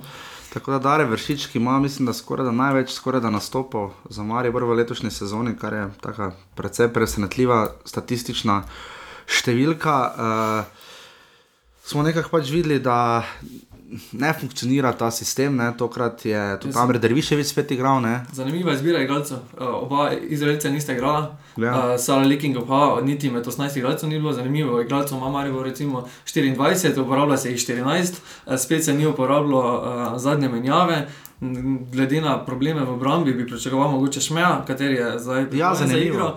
Um, tudi v, v zadnjih minutah bi ga lahko videli, da bi um, Milanič menjal kakšnega napadalca, ampak se mi zdi, da Milanič enostavno ne upa ali pač ne namenja teh igralcev, kateri imajo že nek eh, status v ekipi, ne vem, Ibrahimi. Filipovič, Tavares, Novakovič, enostavno ti igralci ne upajo. ne Šuler, ja. Enostavno, enostavno druga, druge igralce, ne primer Bohar, uh -huh, uh, enostavno ga z lahkoto zamenja, Bajdeta, z lahkoto Drviševič, te igralce enostavno se menjava, One pa ne. one pa enostavno se ne. Zanimivo je, da Damjan Bohar je že 14-tič stopil s klopi v tej sezoni, v 26. krogu, kar je absolutni rekord letošnje sezone. Ampak je spet odločil. odločil, podal žogo za potem zadetek za 2 proti 1, seveda je žogo dal na nogo Markosu Tavaresu, uh, je potem kapetansko zabil in ostal zadnji na stadionu, ko so že vsi igralci bili, sta pritekla dva njegova otroka in je z violami proslavljal in zabil svoj. Um, Kaj je 11. zadetek v letošnji sezoni, 11, ja. in pa mislim, da 113. v zgodovini, v, vseh časih, oziroma v zgodovini prve lige, in mu je zdaj še 17 manjka do Štefana Škaterja, kar se ve- vendarle zdi zalogaj v tem trenutku za skoraj da vsaj eno sezono in pol, če ne za dve. Ne. Um, ampak. Uh, Tu bi morda, ja, dobro si tu omenil, ne, Mendi spet ni dobil priložnosti. Uh, Denis Šmej je pač primer igralca, ki bo očitno iskal priložnost kot Dino Hotič, ne glede na to, da gre za branilca, pač preko reprezentance mlade, ne, kamor je vpoklican. Ne. Uh, in tu se mi zdi, da, se mi zdi, sem prav, vse smo vprašali, Darko Milaniča, tokrat je bila ena daljših tiskovnih konferenc, zelo iskrena pohvale Stipetu Jariču, da nam je pustil daljšo tiskovno konferenco, da smo res lahko vprašali vse. Um, Ampak odgovori, ki pa so, pa pač eh, tudi v obrambi, je pač Darko Minovič med drugim povedal, da pač on bi si želel, da bi bilo drugače, da ne bi Filipovič recimo igral v obrambi, samo da pač ne more, ker pač Rajčevič poškodovan. Ne? Pa zdaj mislim, še Šuler uh, je imel da kartone in tako naprej, ne? plus Defendi je poškodovan, oziroma zdaj naj bi med reprezentančnim premorom prišel v neki pogon, ampak dobro, da ne bomo zdaj toliko besed o Mariboru. Uh, Maribor je to tekmo pač skič kuglal nekako na ta 2 proti 1. Ne? Važne so tri točke, da držijo obstanek. Ja, ampak se bo, kapacit, mislim, da se bo obisk v ljudskem vrtu drastično manjšal, če bo Maribor igral takšen nogomet, kjer edini način, da žogo spravi pred golje preko boka, pri čemer rata ena akcija od osmih. Ne? Ja, išče Novakoviča, vsako neko podajo, oziroma z nekim Ja, Mili Vojno Novakovič je imel svojo peto, resno šesto šanso, drugo, tretjo smrtno. v treh tekmah. Tekmah zadetka ni dal, uh, vendarle govorimo, se strinjamo s slovenskim reprezentantom, ampak poleg tega, da je tam, uh, kot mi je novinarski kolega Balantič povedal, bil menda v offsajdu še Novakovič po vrhu, je tam z enega metra zadev naravnost do Mitroviča, ne. zdaj je pa res že zapravil Mili Vojno Novakovič tri priložnosti. Upali smo, da bo to tekma, kjer se mu bo odprlo, ker bi to bilo dobro za vse, ne, Ja. za njega, za klub, za Zlatka Zahoviča, za Srečka Katanca, za publiko. Ne, in uh, se tu vendarle, uh, ne glede na če primerjam, recimo po starosti, ni isti tip igralca, ampak če po starosti primerjam. Uh, je Miroslav Radovič zaenkrat dosti boljša ukrepitev za Olimpijo, ne glede na fizično pripravljenost, dosti boljša ukrepitev za Olimpijo, kot je Mili Vojna Vakovič v tem trenutku do zdaj za enka Maribor. Kaj misliš ti? Ja, samo oba sta različni tipi igralcev. Se strinjam, ampak oba, gledaj efekt, ne? Oba, Radovič ni bil pripravljen, da, da je toliko, toliko zadetkov, kljub temu je v Ja, je dal pa enega, pa ogromno- včeraj je avto gol zrihtal. Kljub temu je dal v svoji karieri ogromno zadetkov, na primerjavi s tem, da ne igra uh, pozicije čistega napada, devetke. Ne? Ampak uh, Novakovič, po, problem Novakoviča pa je v tem, da si enostavno sam ne zna, uh, si ne more narediti nekih priložnosti, ustvariti z nekim preigravanjem. z ne vem, Kaj pa, na primer, Radovič lahko ne. To Ja, on to proti zna, Kopru, ne. to On si sam eh, iz nekih pol priložnosti ustvari enostavno šanso. Pa tam je, ne, on je, on je ja, tam, ne. tako Novakovič, samo on. Novakoviču pa morajo vsi nekako dati žogo, ja. oziroma v kazenski prostor mu pripeljati, v Mariboru pa problem, ker takih igralcev kot v reprezentanci ni. Ne? In Ja, ja, je tukaj je- pri zabijanju. Ne? On rabi več priložnosti, mogoče ne, ali pa, ali pa, ali pa en zadetek, da se mu polo sprlo. In, interesantno je to, kar se reče, morda še to, da zaključiva uh, zgodbo o Mariboru, uh, ki uh, je, da, ima saj sicer zdaj članskega reprezentanta v Milivoju Novakoviču. Ne? Uh, Nekako tako se mi zdi, da na oko ali pa za tiste, ki redno spremljamo sezono enega Maribora, trenutno edini, ki bi res lahko imel zacementirano mesto v prvi postavi, je Jasmin Handanovič, vse ostalo je pa zelo stvar forme in dokazovanja, ker pač ne vem, obramba, štoperi so resen problem. Jaz mislim, da Denis Šmet, če Maribor želi kakorkoli narediti iz tega igralca, kaj mu bo moral začeti igrati, če je to na račun Marka Šulerja, naj bo. Ne? Mislim, da kljub temu lahko Marko Šuler igra, kljub temu še drugi štoper. Ja, drugi štoper, ampak če potem pride še defendi, ne, Ja, veš, tu je problem, potem ne, Erik Janža, Mitja Viler, tu se bo klub moral odločiti, kaj bo naredil. Ne. Šme pa tudi lahko igra na desnem. Tudi, ne, tudi na desnem boč- bočnem palčič, ki ga vidim pridno, kako se čez most vozi v bolnico, skoraj da vsak dan ali pa vsakeč, ko grem čez most, vidim ga v njegovem rumenem avtu. Uh, vprašanje je, kdaj bo prišel nazaj, ampak skratka, no, da ne bomo zdaj toliko o tem, ampak en kamaribor je zmagal, uh, to pa je tudi vse, kar bi bilo smiselno vedeti o tej tekmi, čeprav so zdaj o njej govorila. zelo dolgo, zelo zanimiva tekma, morda dosti boljša, pa na oko, bojda, no, to, koliko sem slišal, tisti, ki so, redno, ki so tekmo spremljali, je bila v isti uri, le pet minut kasneje, uh, pa potem v drugem času pet minut prej, ker ni bilo reklam, uh, je bila tekma celje domžale, ena proti dve. Uh, na areni Petrol se je zbralo 900 gledalcev. Uh, Svoj šov je pa imel spet Slavko Vinčič, uh, moški, vse po mojem mnenju, po tistem, kar je počel prejšnji teden v novem mestu, ne bi smel soditi vsaj več do konca letošnje sezone.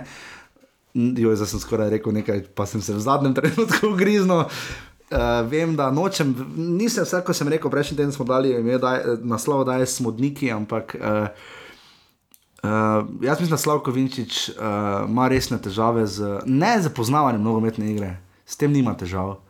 Problem ima za svojo ekipo, problem ima pa s tem, kako ti sodniki vodijo tekmo. Jaz mislim, da tam, ko je šlo za izključitev, uh, mislim, da ko je Hadžič podaril Jariča, ne, jaz mislim, da je tam mu Tadej Friž, drugi pomočnik, ni naredil usluge, tam je bil čisti offside. Tam je bil kilometrski offside. Samo izločitve ni bilo. Na tekmi cele domžale bila izključitev. Oziroma, rumeni karton je bil, pardon, rumeni karton je bil, par se pravičujem, rumeni karton, po katerem je potem gol padel, Valko se vljudno pravičujem. Uh, tam, uh, jaz mislim, da tam bil evidentni offside. No. Uh, pa pustimo zdaj offside, potem za te niso primarno krivi, seveda glavni sodniki, ampak njihovi pomočniki. Um, Tudi prosti, um, prosti darec, penal je bil. uh, Penal je bil, penal je zelo arbitraren, ne? tam je bil res šus, ne? žoga je, žoga je zadela v roko, ovega, kaj je uh, Čirjaka, ne? Ja. je žoga zadela v roko, zdaj res je bil šus, malo je. Naravna reakcija je, če bo nekdo s polnim šusom udaril žogo proti tebi, je, da boš roko premaknil. Ne? Ampak takšno so pač, um, sodniki imajo takšno navodilo, da se to pač. Ja, ampak mislim, da so pravila v tem primeru celo takšna, da če gre žoga v gol ne, in ti z roko igraš, je to rdeči, ker to ne rumeni. Teda Slavko, mislim, da naj bi šlo v to smer bolj, ampak če se motim, me bodo cenjeni sodniški kolegi, ki so seveda zaviti v mok nekega dne popravili, pa govorili, Lorenči spet govori bedarije, ampak eh, kakorkoli je isto, kapušin se ni preveč sekiral, on je s tem temu rekel nesrečen slučaj. V redu, tudi prav, morda je raje Ja, to se zgodi, greš blok, enostavno pač roke bi morale biti oddane, ampak to se zgodi. Ne? Pač In na raje- enih tekmah ne dobiš. Pač. Ja, in raje premisliš, da ne boš dobil tako Andrejka Strevec še kazni za eno tekmo, ki je že tako bil izključen, prejšnji tekmi to je trener Krke. Uh, celje je, celje je nekako igralo, ne? se ni bilo, ni bilo slabo, je, so poskušali, pa ne na zadnje, ne? Uh, tudi kaj vodili so. Ne? Ja, videli smo čisto različna polčasa. Polčas je bil prvi eh, ena proti nič, uh, posest je bila 60 proti 40 za celje, um, dobra igra, več priložnosti. Uh, potem pa smo videli v drugem času, enostavno tu pa vidimo, kako je Elzner reagiral. ne. Elzner Je rekel, je, da je bil bupen. Elzner je pri 1-0 reagiral. Um, po vseh treh menjavah je sledil preobrat, drugi polčas je bil 55-45 v posest Domžal, uh, plus tega so zabili dva zadetka, v med polčasom je že zamenjal Trakovskega.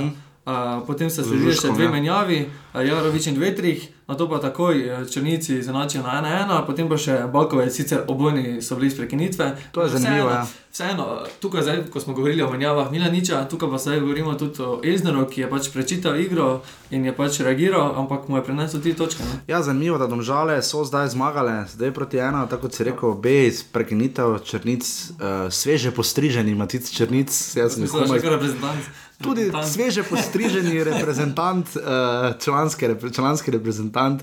Uh, je s polnim šusom udaril uh, na ena proti ena. Jaz vem, da Matico Kotniku, Golmanu celja, ne delam pretirane reklame v offsajdu, ampak jaz mislim, da ta gol gre na dušo njemu, streljajo v njega okoli Ure Balkovec. Ne.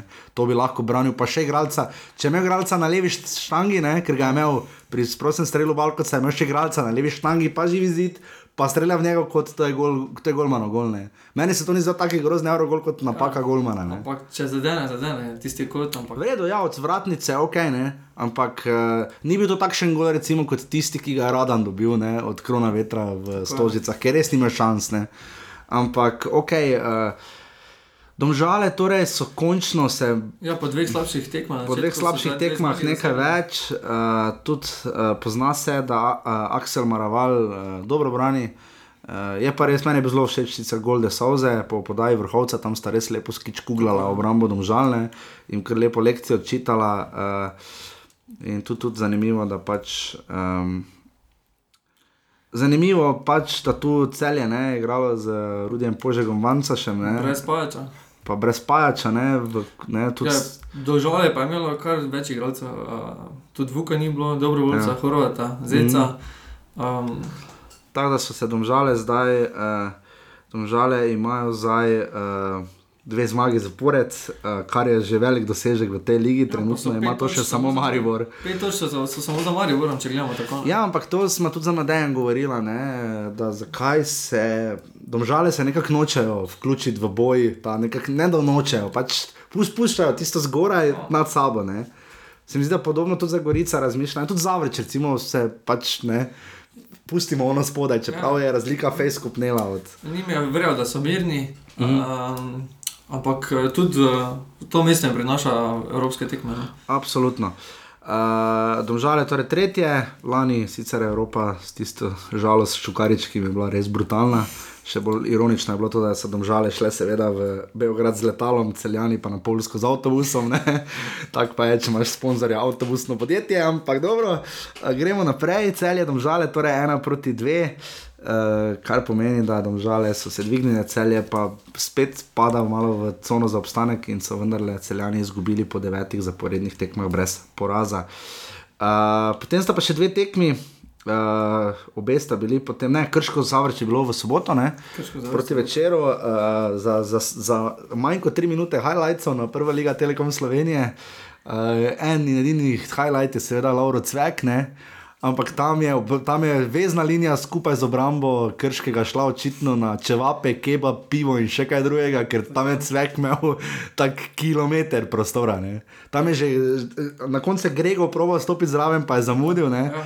Pole pa še strelj bil taki, ok, sebi je Eurogol, ne rečem, ne. Sem tudi zalo, kar kaj je delal, ne. Ja. Sicer lahko bi videli lob sezone, če bi tam uspelo, uh, če bi tam, ne vem, kdo je tam streljal, uh, Eterovič, če bi lobal ja. Vidmarja, ne.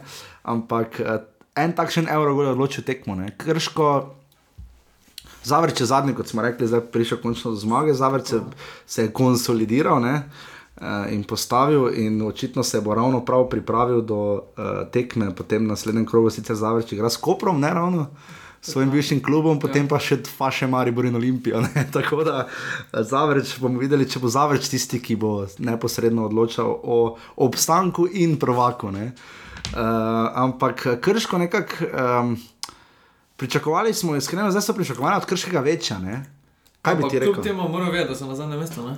Um, mislim, da je Krško um, Dva zaporedna poraza. Ne? dva, po dveh zaporednih eh, zmagah v ja. Smolanskem so zdaj sedela dva poraza, ampak jaz sem pričakoval zmago Krškega.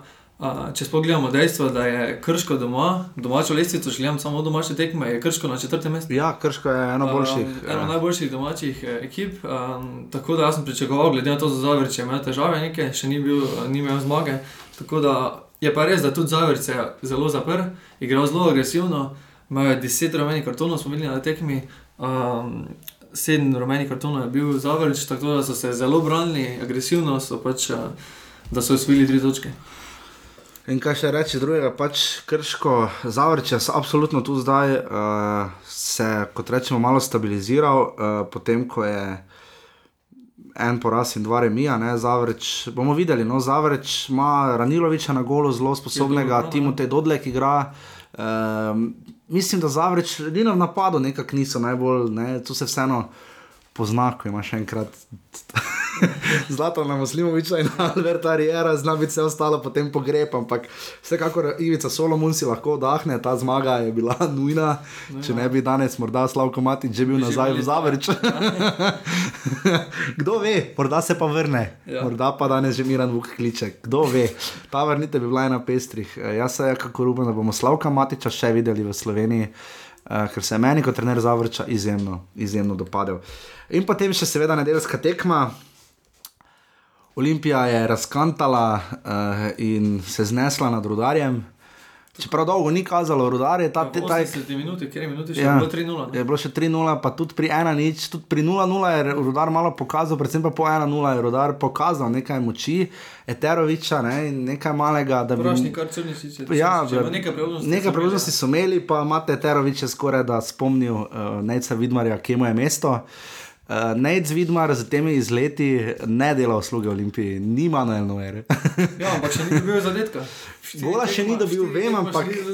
Vem, ampak se mi zdi, da vendarle ima spredaj Mitroviča in Kelharja. Uh, in pa seveda najboljšega levega beka z teh časov Hrvoja Čaleta, ne? ampak dobro, hec na stran, Ne igra ampak tako slabo, ne? Hrvoje Čale. Ja, vseeno. Jezus Kristus. ja, če se kar trese. Jaz mislim, da Hrvoje čale nima dosti navdušencev, tudi v Ljubljani najkolikor spremljam. Uh, ampak ok, pač na tej poziciji, uh, na kateri je na, tako na, na desni je Matic Fink, mislim, da dosti bolj zanesljiv. Ni pa čudno, da igra Hrvoje čale na levem beku, zato ker eh, to smo govorili, potem kasneje boste slišali s Tonijem, ne? uh, oziroma kdo je včeraj igral na desni. Uh, Fink. Fink, ja. Uh, Slovenci imamo težave, koliko imamo presežek Golmanov in zadnjih veznih, levega beka ni. Iz, v iskanju levega beka, to je lahko skoraj da naslov te oddaje, ne? ker ga ni. Ne? Ja. Mitja Viler lahko Jokiča nadomesti. Ampak, uh, hec na stran. Uh, Olimpija je 5 proti nič premagala rodar, uh, tekma, ki je bila pester tempo, uh, lepo vreme, škoda, ni bilo še malo več ljudi, Dragon si zelo lepo vzdušje naredili, uh, res se fes navijalo v Ljubljani, vidi se, da dihajo zdaj, uh, da, da skušajo pač na vsak način loviti to, oziroma ohraniti prednost pred Mariborom včeraj jim je to seveda več kot. Super uspelo, ampak uh, morda bi se, ker je bilo pač 5 proti nič, ne, ostavila pri dejstvu, čeprav je Olimpija zdaj res spet ni dobila gola, ga je pa se dala. Ne. Ja, v oboje. To ne, enega zadeva je Žuljac, v obaj svoj prvenec. Um, sprostil se je, to je bila njegova daleč najboljša tekma do zdaj. Nekako prej se je zdelo, da nekako ni. Ne? Ja, Elek je zdaj zanimivo sedel na klopi. Ja, zanimivo. Um, Radovič je igral recimo v napadu, ampak uh, igrali so toliko, toliko napadalno, več drugih nogah, da se ni to tako poznalo. Da, Mene je presenetila ta taktika Marka Nikoliča. Moram priznati, da je Leke postil na klopi brez klasičnega napadalca, vi Španija, efekt. Ne? Ja, igra med eh, Pušnikom in med, eh, pa med zdajšnjo Olimpijo je zelo drugačna. Takrat so bili glavno orožje, recimo eh, napadalci, uh, Henti ali Šporar, zdaj pa so tu glavno orožje, recimo vem, eh, Zajc, Krona Veter, ki sta tudi uh, do zdaj igrala dobro, Krona Veter še dobil dva zadetka, tudi uh, v Baj, Radovič in uh, enostavno napadalci, res, edini je tukaj, Eleke ni v formi no? in zato je tudi bil na klopi. Zanimivo je, da trenutno imata Olimpija in Maribor oba 60 zadetkov, uh, torej sta tu popolnoma poglihana. Uh, zanimivo je, da tu Maribor ima več streljcev v, v, na vrhu, ne? ampak ja. Dobro, Šporor ima najviše, ne tehnično, dobro, Leke še ni dal gola, tako da ga težko štejemo k Olimpiji pr- pod najboljšimi streljci. Uh, Potem so pa tu, ker so Tavares, Bajdej, Mendi in Ibrahimi so skupaj zdaj, ne imajo vprašanje, če se bo Mendi sploh. Uh, še dvignil, ja. Ja. Ja, ker trenutno ne dobiva nekih resnejših priložnosti. Ampak ok, ne, pogledali smo to, ne, uh, zdaj ta čaka se Danka Lazoviča. Ne, uh, kaj misliš, da bo z njim prinesla, kaj misliš, da bo t- dobila Olimpija z njim? Ne? Ja, tukaj bo pridobila ogromno v napadu. Uh, videli smo, da če odštejemo to tekmo z Rudarjem, so imeli nekaj težav v napadu z zabijanjem. Um, mislim, da bo ogromno pridobila. Vprašanje pa je, kdaj se bo Lazovic sploh lahko priključil ekipi. Ja. Uh, glede na to, da so neki težave z registracijo. Ampak uh, v napadu bo imeli več možnosti, bo ta pozicija uh, brez napadalca bo še lahko bolj prišla do izraza, ker Lazovic vseeno ni neki čista špica, igra malo za, podobno kot Tavares, za napadalcem in bo lahko igra drugače stekla. Ja, ker trenutno to smo že zadnjič govorili, ne da bi se ponavljal, ampak uh, ta taktika, ker Žulijo zvobaj tudi je bolj krilni igralec, ni gol getter. Ne? In Ja. potem, če imaš Radoviča, ki tudi ni gol getter, mišljen, vsaj ni za gol getterja, ne? potem se zgodi, če Elekeja ni, ne? Pade v to pozicijo Miha Zajec, ki pa res ni za to pozicijo mišljen. Zdaj tokrat je še štango zadev, ne Olimpija, spet zgolj skoraj zlomila, ne? očitno veliki ljubitelji. Veliki ljubitelji prečk, štank in česa še vse drugega, ampak uh, ne smemo pa pozabiti, Olimpija je podrla rekord uh, in je trenutno na vrhu lestvice, postavila je absolutni rekord in zbrala šest prepovedanih položajev, tako imenovanih offsetov v enem samem polčasu in potem nobenega v drugem. Ne? Uh, tako da vsaka čast Olimpiji, čestitke za ta veliki uspeh, ampak kot rečeno, Olimpija po 26 krogih ima 4 točke prednosti pred Mariborom. Um, Svoje vrstni psihološki pritisk, seveda je. Seveda. Ne glede na to, eh, pritisk je bolj na Olimpiji, to, ne, eh, v tem oziru. Laže, je laže, laže je loviti prvega, ja. poleg tega pa tudi, če Maribor soboto izgubi, ne, ker igra dan prej, tudi v naslednjem krogu bo tako. Ne, Maribor ne, ne, bo- Krka igra pred. Pred A, pardon, to, ne, tokrat pa prej, Prej. dve uri prej. No, bomo videli, kako bo zdaj, se upravičujem. Ja, Krka so predstavili, vidim, ja, ker Krke ne bojo prenašali v nojem mestu. Ja, Prenosil se bo Zavrč. Zavrč Koper, zanimivo, šli bojo k Miranu Vuku na ribo, meso in peš- pečenko in golaš in pasul. Ne. Uh, bomo videli, kako bo to. Ja, no, vidiš, ker do zdaj je bilo vedno tako in uh, ne, spodrsljaja, vedno, ne, včasih ga izkoristiš, včasih ne. Bo zanimivo, kako bo zdaj to dejstvo. bo šlo lahko prednost na 7 točk, če zmaga. Ja, na primer, sedem ali- točk in mora Maribor loviti nazaj na štiri, ne, Tako. ali pa ima Maribor možnost znižati Tako. na, kar- na kolikor že, karkoli bo Krka spravila skupaj, ko se bo na klop vrnil Andrej Kastrevec. Tako, uh, to je bilo 26. to- 26. krok. Jaz bi še enkrat res dal besedo spodbude, predvsem uh, nogometašem uh, Velenskega rodarja. Naj vas to ne res potovče in potre. Vem, da 8 golov dobiti na dveh tekmah ni fajn. Meni so ogromno kartoniranih igralcev, tudi naslednja tekma mora igrati brez Radana, Ja. Babiča pa Bohe. Ja, pa tudi, a ja, spomnimo, ne, seveda eh, Roberto Ponis ne, se je odločil in ja. Seveda še izključil tam po vrhu, uh, koga že čaki. Uh, izključil je Boho, ja, Klemna Boho tam. Ne vem, meni se tisto ni zdelo. Ni Plus bilo potrebno. lahko Olimpija tudi pri 3-0 končala tekmo, ne bi rabila že dolgo napada, dva zadetka. Mislim, gledaj, to je športno, ja, Ja, pač, mislim, no, športno ampak- pač želiš se dokazati, s tem nič ni narobe. Olimpija je zasluženo zmagala, ampak uh, počasni posnetek tu si pa kanala zasluži uh, vse pohvale, je pokazal, da je Olimpija dala prvi gol iz offsajda. Uh, ampak dobro, to je res tako absurdna, malo čudna situacija, ampak ok, vredno, offside je offside, tu ne smemo spregledati. Olimpija je še enkrat zasluženo zmagala, ampak mislim, da si Klemen Boha ni zaslužil rdečega kartona, tako kot si ga Elvin in Džinič ni v prejšnjem krogu. In, če so se sodniki odločili. Eh, nesreče, rodar zaradi tega. Ja. Ja, če so se sodniki odločili, kdo bo šel v drugo ligo, ne pridemo ravno daleč. Ne? Uh, tu je moj, jaz sem to včeraj pisal, uh, marsikdo vem, da se s tem ne strinja. Uh, ampak uh, tu bi omenil, da mislim, da 545 evrov bruto prejme sodnik za sojenje tekme, 545 evrov bruto uh, cenjeni odbor nogometne zemlje, ki sprejema tarifni cenik uh, za sodnike, kontrolorje in delegate, je za uh, klub kot je Velenski rudar. Uh, za vsakega igralca bi to bil trenutno luksus. Ne? Uh, stranski sodniki za spregledanje offside dobijo 273 evrov. Um, in to so vendarle zneski, ki mislim, da kljub stane uh, 1461 evrov bruto, stanejo sodniki in delegat. To ni malo denarja, če šteješ, da je koliko 18 tekem, koliko, uh, ja, d- d- 18 tekem domačih, ne? to ni mali denar, na koncu konca ne. Še manj, da se potem lahko pohvali NZS, da, da v primeru, ko določijo še petega in šestega sodnika, ta dva za 215 evrov krije NZS. Ne? Ne, ne, ne. Ja, ja. UEFA, no, NZS, pa UEFA, da, da no, kakorkoli. No, ja. no, ampak skratka, najbolj, naj, če želite biti najbolj, najboljše plačana rekreacija, je biti peti pa šesti sodnik, v bistvu niti rekreacija ni. Stojiš za golom, štapom v roki in če greš ga po črti, ne veš nič. Uh, skratka, to je bil 26. krok prve lige Telekom Slovenije. Olimpija ima 4 točke prednosti pred Mariborom, eh, 54-50, Domžale jih imajo 45, Gorica 41. Zavrč se je zdaj rahlo odlepil in drži to peto mesto, ki ga je osvojil v svojih prvih prvi in drugi sezoni prve lige, torej peti je Zavrč s 35 točkami, uh, Celje jih ima 28, zdaj so spovzeli spet dol, oziroma se jim je Koper edini približal, ker je zabeležil točko, jih ima 26, Krka, Rodar in Krško bojo pa tvorili enega najbolj brutalnih in napetih uh, bojev za obstanek, v katerega mislim, da se zna potunkati tudi Koper in celje v bizarnem scenariju, pa lahko mislim, da celo zavrč. Uh, Trepeta za Deset obstanek. tekem ne. še do konca. Deset tekem, to ni malo točk, ne. tudi če ima zavrč. Še 30 točk. eh, 30 na točk, ne, razpolago, ne, ja. Tako da vsi še imajo možnost, da izmed teh štirih eh, obstanejo. ne. Vsi še lahko grejo v Ligo prvako, tudi Krško. ne. Ampak, no, Koper je tako ali tako že tam. Ampak, uh, ok, uh, to je bilo to, kar se tiče prve lige Telekom Slovenije. Preberemo lahko še pare, to lahko narediš ti, Klemen, uh, naslednjega kroga. Ja, Krka Olimpija. To je v uh, soboto, soboto. 2. aprila, ja? To- torej zdaj si lahko spočijete. Zreh. Uh, zanimivo, da ni na televizijskem prenosu. Ja, novo mesto, tudi ko je Maribor tam igral, niso prenašali. Ja. Ja, prenaša pa Gorico Maribor. Uh, Rudar Ob Celje. 16.55, Ob ker ni 16:55. Motogrand prija. Ja. Uh, enak dan je tudi Rudar in Celje, ter Domžale proti Krškem, uh, v nedeljo pa je na televizijskem prenosu Zavrč proti Luki Koper. Upam, da bo spet dron imeli, to smo imeli, ko smo imeli prvi prenos v Zavrču.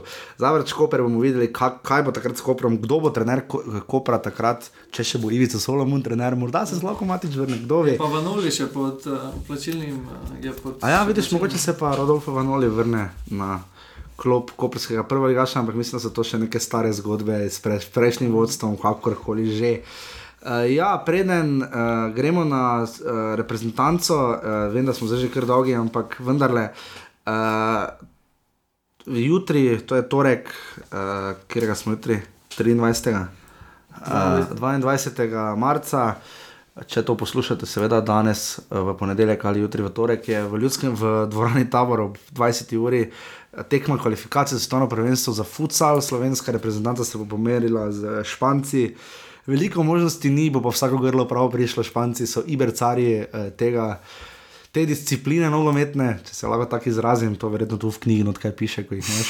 Uh, ampak uh, jaz bom šel, upam da, upam, da bo podpora takšna, kot si ti, fanti, to zaslužijo. Uh, tako da jutri je to, sicer pa je res cel kup tekem reprezentančnih, če vas to zanima. Uh, naši kadeti so uh, igrali potem na koncu še z Izraelom 1 proti 1 in zbrali 3 točke, ne 0-0-0, 1-1, ne 0-0. Remi je bil. Remi je bil tri remije, so zbrali no, za Španci in uh, Belgici, ne, kar je zavidljiv dosežek, ni pa še vedno tisto še nad, nadgradnja. Pa vendar, uh, kot rečeno, čaka še uh, U19 reprezentanco, čaka v to četrtek uh, tekma z Rusijo, pa potem v soboto z. Švedsko Pa uh, na 21, turnirju v ja. Portugalskem v ponedeljek, pa upam, da bo prenos, nisem danes še uspel izvedeti, ali bo v ponedeljek 28. marca, je pa prenos Slovenija-Irska mlada reprezentanca ob šestih tekmah, je pa v Kopru na Bonifiki. Ta tekma mislim, da bo ena bolj zanimivih. Mlada reprezentanca je na drugem mestu v svoji skupini, mislim, da so to kvalifikacije za Evropsko prvenstvo. Ja, in uh, po zmagi nad Srbijo v skupini imajo še Italijane. E, upam, da, upam, da bomo videli znovič razbudljivo predstavo selektorja, kako čudno se to sliši, primoža glihe. Uh, skratka, zdaj pa še reprezentanca. Um, v sredo je bilo Brdo pri Kranju, uh, jaz sem gledal tiskovko preko MMCTV-ja. Um, videli, slišali smo marsikaj, o tem so tudi s Tonjem Grudnom govorila. Um, reprezentanco čaka zdaj nek nov uvajanje v nov ciklus. Ne? In ti dve tekmi sta bolj pomembni, kot se zdita, zato ker Švedska je samo ena tekma, Maja, potem pa je takoj že so kvalifikacije. Ne? In se zdi, da zdaj je v bistvu trenutek, ko se lahko začne graditi nova zgodba. Ampak kot smo videli, se bo nova zgodba gradila tudi z nekaterimi preverjenimi imeni. Uh, videli smo tudi, da še vedno komunikacija NZS, Katanec, mediji ne poteka v idealnih okoliščinah. Uh, tudi o tem so s Tonijem dosti govorila. Ampak mogoče to, Klemen. Um, Kaj pričakuješ ti, recimo, tekem z Makedonijo, pa potem Severno Irsko? Ne? Meni se zdi, da tu Makedonijo je imperativ rezultata, ne? Makedonija vendarle ni. Ne? Je slabša reprezentanca na papirju, ne glede na to, kaj si mi in srečo, katanec mislimo o lesvici FIFA, ampak tu bi zmaga bila dobrodošla. Ne? Ja, jaz pričakujem eh, prvo kot prvo, da dobijo ti igralci iz Slovenske lige, kateri so bili poklicani, da dobijo sploh priložnost. Da ne bojo samo tam na treningu, da ne bojo samo tam za nek trening Ja, tekmo ampak pred sabo. srečo Katanec to razlaga, ne? Ja. da fanti morajo videti razliko ne? med prvo ligo in. Kar se meni zdi malo podcenjujoče do lige, Ja, ja, ker ampak- so vendarle lani igrali proti klubu, ki je igral v Ligi. Ampak Vsi ostali igralci so enkrat igrali v Slovenski ligi, enkrat bodo tudi ti, ki so poklicani, eventualno igrali v tujini. No? Tako Ja. ja. da morali bi dobiti priložnost, če lahko, ne, ni primerjava, ampak če lahko Hrvaška reprezentanca uvaja enako, uh, bi lahko tudi Katanec primerljivo tudi. No? Mislim, da ne vem, en, uh, en je, Jelenič je ne. Uh, Če lahko on poklican, lahko on igra, lahko tudi uh, igra uh, Bajde, ki pa naprimer ni poklican. ne. Ja, pa je poklican v U21, ne? kar je malo čudno, ker Zajca, pa, Zajca je pa vzel. Ne, Je iz, pa tudi Luka Krajnc v 21. ja, Miho Zajca je pa vzel v člansko reprezentanco, kar je tu, se mi zdi, da vendarle bi lahko, to me čudi malo. Miha Zajci absolutno zasluži mesto v reprezentanci, je trenutno najboljši igralec eh, prve lige, ne? Brez debate, ne? ampak vse za mene. Ne? Ampak uh, se mi zdi, da glede na to, da tam gre resno za točke in kvalifikacije, mislim, da bi Primož Gliha v tem trenutku dosti bolj krvavo potreboval. Uh, Mislim, da so na obeh seznamih. Ja, ne vem točno, kaj se bo. Je obeh seznamih. Ja, tako da ne vem, zdaj, če bo. Tako da bo po ja. koncu tekme, ko zdaj Fajn bi bilo, da naj da, upam, da bo Miha Zajc dobil dobro priložnost v sredo proti Makedoniji in ostal tu in igral potem proti. Tako je. No, tako, evo, no, te, potem se motim. Pač Smo rešili upam, vse. smo rešili, ja, smo rešili. Ja, še se hitro razburi, ko pride reprezentancami, ker vse gor dvigne. Pa Jegermeister mi je klemen ponudil od sile. No? ampak, ampak uh, ne vem, bomo videli, kaj, kako bo stekla komunikacija. eh, Tiskovna konferenca je ne bi rekel pogreb, ampak res spodletela sedmina. Uh, ker spet, jaz ne, jaz ne verjamem, da mediji smo krivi, ker razmišljamo o vseh možnih igralcih. Hvala Bogu. Ne? Ja, igralce je kljub temu, da uh, smo, mislimo, da imamo malo izbire, kljub temu igralcev je ogromno.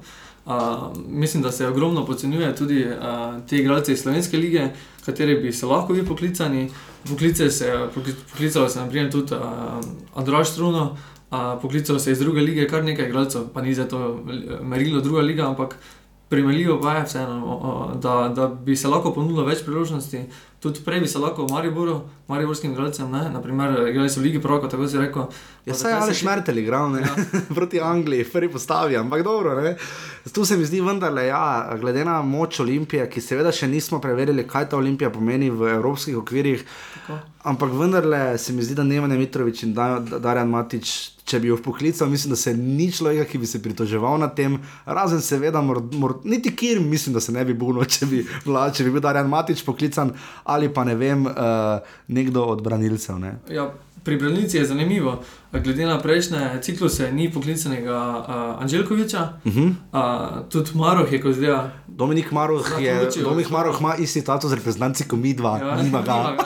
Tako da je zelo zanimivo. Ne? Uh, pri tem dobil pa je poklic Aljaš Truna prvič iz Mhm. Palerma, kjer igra redno, enako kot Anželkovič, ampak je poklican samo en.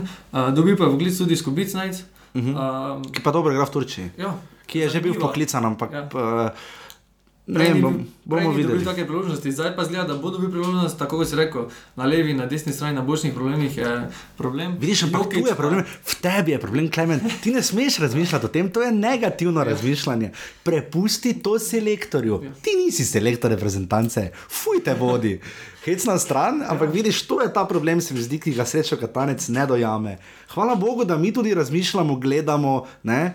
Ni on edini, ki vse ve o nogometu, ve več kot mi vsi skupaj, najbrž res, ker je dal ogromno skupaj, je velik strateg, je marsikaj dosegel, ima uspehe, ampak vendarle mislim, da klime slabe ne širimo mi. Ni, mislim, da niso krivi mediji, pa publika, pa žvižgi. Če se zgodijo žvižgi, ko ti igraš z Litvo doma ena proti ena, ne? ali pa se ti zgodi Estonija, ne? mislim, da potem je v prvi vrsti potem kriv selektor s svojimi igravci. Ne? Mi pa nimamo pogleda v slačilnici, o čemer tudi Toni, boste slišali, veliko govorijo. Ne? Žal ne vidimo tja not. Ne? Ja, Debata je v vseh, uh, vseh nogometnih državah, je to normalno. Uh, mislim, da bi se mogli pogovarjati, uh, tudi v medijih bi mogli več zaslediti teh debat. Ja, recimo, ne, Uh, mislim, zdaj- da to nič ni slabega, neka konstruktivna kritika Uh, Vzami niso Angleže, zdaj imajo srečo, recimo, da je Wayne Rooney srečo pod narekovaj, da je Wayne Rooney poškodovan. Ja, če ne bi bil, pa imaš Harryja Kanea, pa Jamieja Vardija, ne? Zdaj igralec Manchester United, da 18-letni igra- Pa Rashford je ne, zdaj vidiš, ampak oni bodo rekli, klint, zdaj je malega not, ne? Pri nas pa tega ni, da je malega not, ne? Ja, Ki je imenik, ki je Kirm, ne? Pa Andraš Kirm ni nič kriv, to smo s Tomijem, s Tomijem super razdelala. Pač Andraš Kirm je... je ostalo, nekaj se jih je poslovilo. In tu se mi zdi, da je slaba varianta. Uh, ostal je Novakovič, uh, ostal je tudi, uh, tako si je rekel, Kirm, Jokič je ostal, uh, um, pri levem bočnem enostavno ni dosti izbire.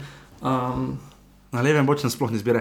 Srečo Katanec pravi, želim, da me fantje presenetijo. To si želimo, seveda tudi mi, uh, ampak problem je bil, da so nas dosti krat presenetili v zadnjih sezonah, ampak ne nujno v dobrem smislu. Ne? Je pa kar nekaj poškodovanih. No. Tudi eh, ta, ta seznam se bo spremenil, glede na začetek kvalifikacij.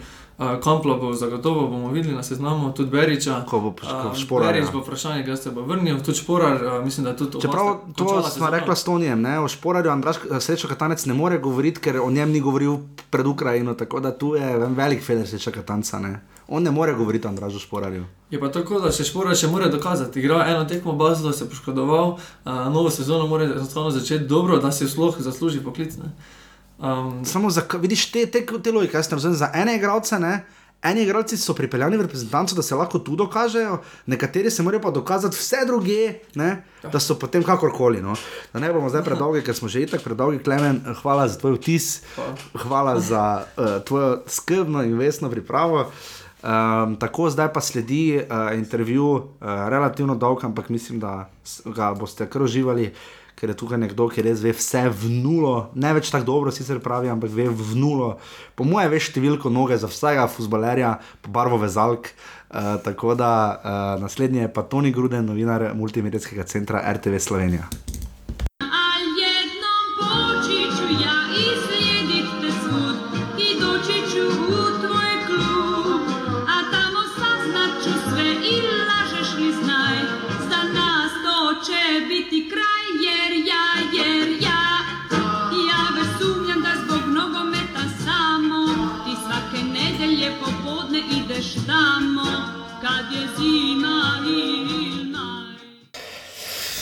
Torej, moj gost je, kot omenjeno, uh, Toni Gruden, uh, novinar multimedijskega centra RTV Slovenija ali tiste uh, spletne platforme, ki je, kjer so domicil našli vsi slovenski kavč selektorji. Toni, servus. Lepo zdrav, lepo zdrav. Uh, Toni, uh, ti si tisti, ki uh, verjetno. Um, pa te bom kar tako vprašal. Uh, ti misliš, da ti boljše poznaš formo vseh uh, aktualnih reprezentantov, še, še zanimivih reprezentantov, vladi na obzorju in pa vseh uh, egzotov, ki jih Slovenija premore uh, od Malezije, Vietnama in tako naprej. Misliš, da ti več veš o formi slovenskih nogometašev kot Srečko Katanec ali ne? Ne bi si drznil tega. Sploh pa v bližini njega nikoli. ne. To je predrzna trditev, ampak rečemo, spremljam in poznam. Bom zadržan. Mhm. Ker mislim, res si ta rubrika, ki jo imate ponedeljkova, ne, uh, ker res, res zdaj že koliko, kar nekaj let zdaj že to spremljaš. Ne? Ja, mislim, da je 2-8, če se ne motim. No, tega- Oziroma 2-9.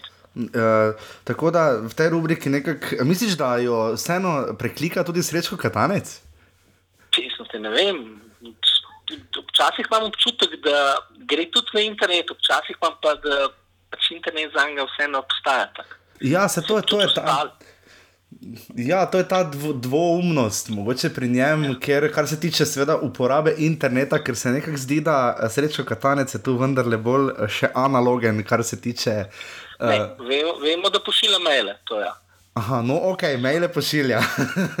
Facebook ima, tega nisem nikoli šel dejansko gledati, ne vem zakaj ne. Ampak... jaz ga tudi nimam, da- A No, vidiš, ok. No. Ne vem pa, če bi Twitter bila najboljša oblika za njega, ampak ok. Ne. Uh, okay gled, gremo zdaj kar. Uh, z besedo na dan, uh, seveda lahko še vmes opišeš svojo biografijo, kar je seveda uh, dobrodošel. Ne?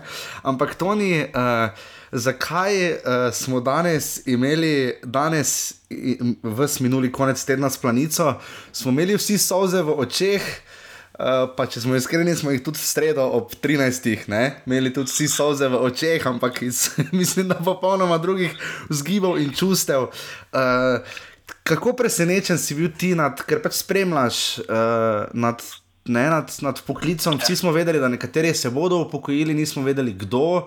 Potem so se napad, se nam je polomil uh, in tako naprej. Kako je, kako je tebe presenetil uh, v poklicu, oziroma seznam sreča Katanca za tekmi z Makedonijo in Severno Irsko? Ja, Kukar pač srečko to poznam, njegovo razmišljanje, kako on to izbira, mislim, nijem, nijem pogled, ampak pač vidim po vzorcih in tako naprej. V bistvu nisem bil presenečen, razen pa eno imeno, me pa res malo sezo.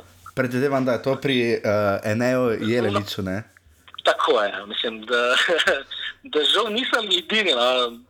Pač sej, mislim, ne, da, mislim, da Miren Zore je rekel, da pač prvoščil vsakmu v poklicu reprezentanca. Veš, tudi jaz prvoščim res vsakmu, mislim, zakaj pa ne. Pa sebi ga jaz tudi, ne, saj jaz ga tudi, seveda, sploh če gre za nekdanjega mladega reprezentanta, ki je igral koliko 22 tekem za mlado reprezentanco ja. in dal 6 golov, ne. Ampak, ja. Vendar, direktno vprašanje, kje misliš, da je njega najdu? Ne? Gledal ga je na eni tekmi in dal je en gol, ne, proti Breši. Ja, ja, Je dal je gol na tisti tekmi, ki je gledal. Vredno, samo, samo potem se poraja vprašanje, če je. Tribuna. Ja, sem gledal tudi tekmi Milivoja Novakoviča. ja, no, dobro, za njega, za Milivoja vemo, da v reprezentanci zna resno. Mm -hmm, to, ni, okay. to ni sporno. Mm -hmm. ne, ne vem, priznam, da, kako bom rekel, se lahko pojem. Livorno, zdaj, soboto sem se trudil, da ga pogledam. Mm -hmm. Ja, mislim, se je igral pa ti pol ure in so zgubili derbi, mislim, derbi, ki bi se ni trapani, predober, pre trapani, mali klub na Siciliji, jih je Livorno premagal 1-0. Mm -hmm. In kje zdaj trapani, bori se za postanek v serije B. Ja. Ne, veš, mislim, in plus, da mislim, mene fulmoto je teh seznanjih, on ni napadalec. On je, ne, on je desno, levo, kvečemo. Ne? Tako je, ali krilo, še, še vingar, tako tak. A. Še ja, bolj vezistno, bolj brej kot, je, kot neki pač resni klasični. Krilo, a, se lahko piše, pač ja, je ena verzija Lazareviča. Sam, ali pa Walterja Birse, mogoče na nek način. Hm? Ali pa Walter Birsa, mogoče. Ne, jaz sem čim drugačen od vsem. Pri njem niso preneju, se vidi, pa če je hitrost, je to malo rajše od žoga, ki laze to že. Mm -hmm. Tam je tudi neke moči, pač pa me manjše.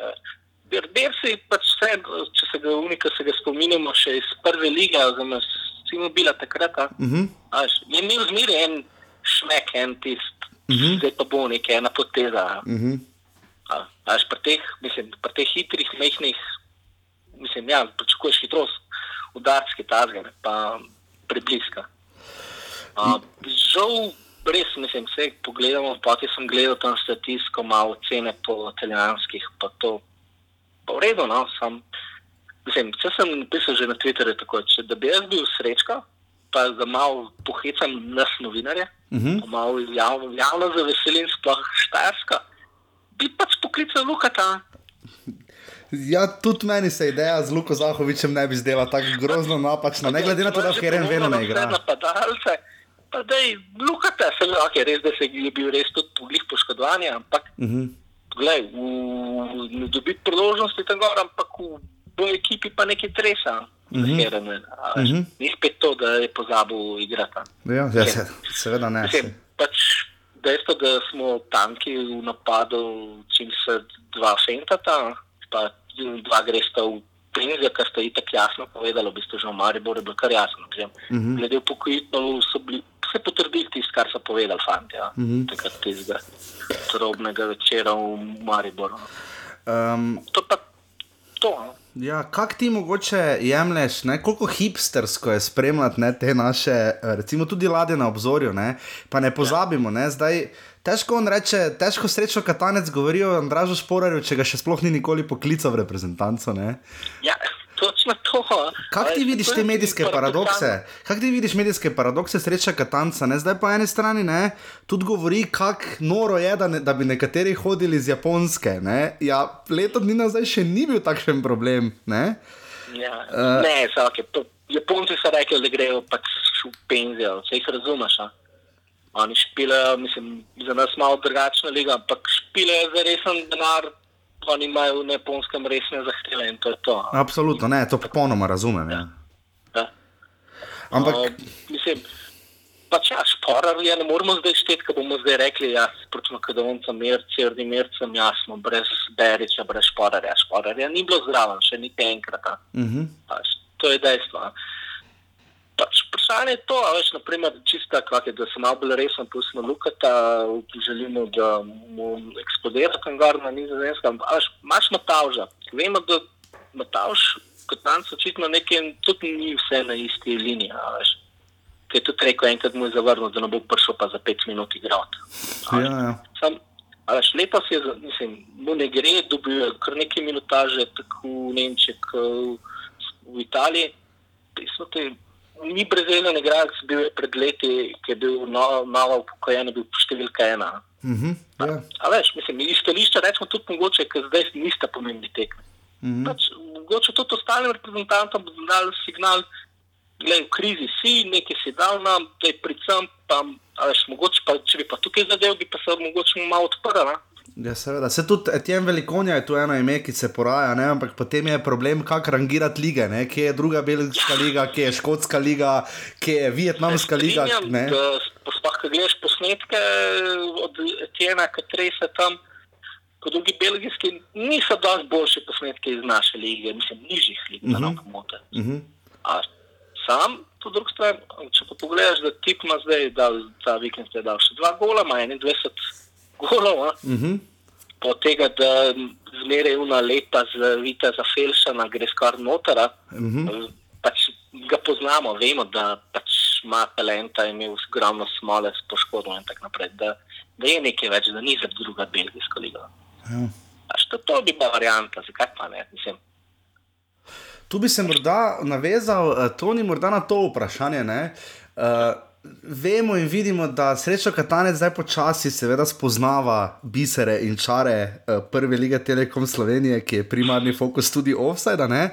Uh, se tu morda poistovetiš na nek način z slovenskim selektorjem v tem smislu, češ. Uh, Gledam tuje tekme cel vikend, eh, potem pa še te domače. In, uh, je tu kakšen preskok v tvoji glavi, oziroma ko gledaš domače, aha, to je zdaj naša liga, seveda je tu Miha Zajc full dober, ne? seveda je tu ne vem kakorkoli, seveda je tu Matic Črnic, je tu vrhovec. Ne?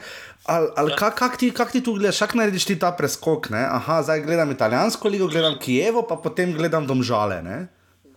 ne, mislim, jaz, mislim pač samo odmislim, znam odmisliti tribune, tudi terene. in- in kaj. Pač gledaš dinamiko, kako se stvari spremenjajo, kako se moštvo prilagaja drug drugemu. a Se kaj dogaja, preprosto od spektakla ali pa čas, tako vidiš, nogometni, rečemo šaha. Jaz sem, sem tudi z nogometnim šahom čisto zadovoljen, če imam seveda svoj mer, mm -hmm. lahko mer spremljam. Ampak pač dejansko pri nekaterih igralcih se vidi, pač cela Slovenija, pač ta rečemo.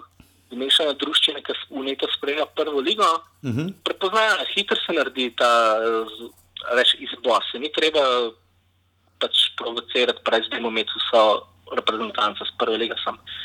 5-6 fantov, ki pa izstopa, pa poznamo že leta, več tudi skupaj, naprimer. zdaj bo prodan, rečemo, v Turčiji, uh -huh. v dveh, treh mesecih ratal, super, postal je tam nekaj, a se tudi v Domžalah lepo igral, podajal, podiral, uh -huh. bil je lider moštva. Pač. Naprimer, vrh, vrhovc, vsi, vsi vemo, da, la, la, mislim, vsi. Pač lanski let, da ja, Verbič je bil šov, šovman. Ja, ampak temeljilo pa je na njem. Ja. Ampak srce motor je pa Mhm. vrhovca. Uh -huh. A veš, mi- me- Meni meni je največja ukrepitev pač od teh novincev in od vsega tega, pa če upam, da pač Blaž pride pa pograbi svoje mesto, ki je odprto na stežaj njegovo mesto. Mhm. Kako bi, mislim, lej, če te konkretno vprašam, ne, zdaj vzamemo recimo primer Andraža Kirma, pa vem, da bom zdaj pozicije, ker govorim malo levo-desno, ampak vzamemo recimo ne, na, na eni strani uh, mesto Andraža Kirma, ne, tudi recimo selektor je povedal, da si je še blazno želel Nejca Pečnika, ne, tu imamo Jasmina Kurtiča, ki, če smo iskreni, se pretirano v kvalifikacijah izkazal zadnjih dni, ne. Ne. Potem imamo pa na drugi strani ne, uh, Darjana Matiča ne, In takšne igralce imamo potem v obrambi, imamo Ne- Nemanja Mitroviča, ki z, mislim, da bi si z nas ko- za, za, komod zaslužil mesto v reprezentanci. Ja, ne. se strinjam. Ja. Um, to, me ni presenetilo, da ga ni poklical. Pač, uh -huh. pač se vemo. Ne bo popustil, če so sem pa vsakega mladca poklical.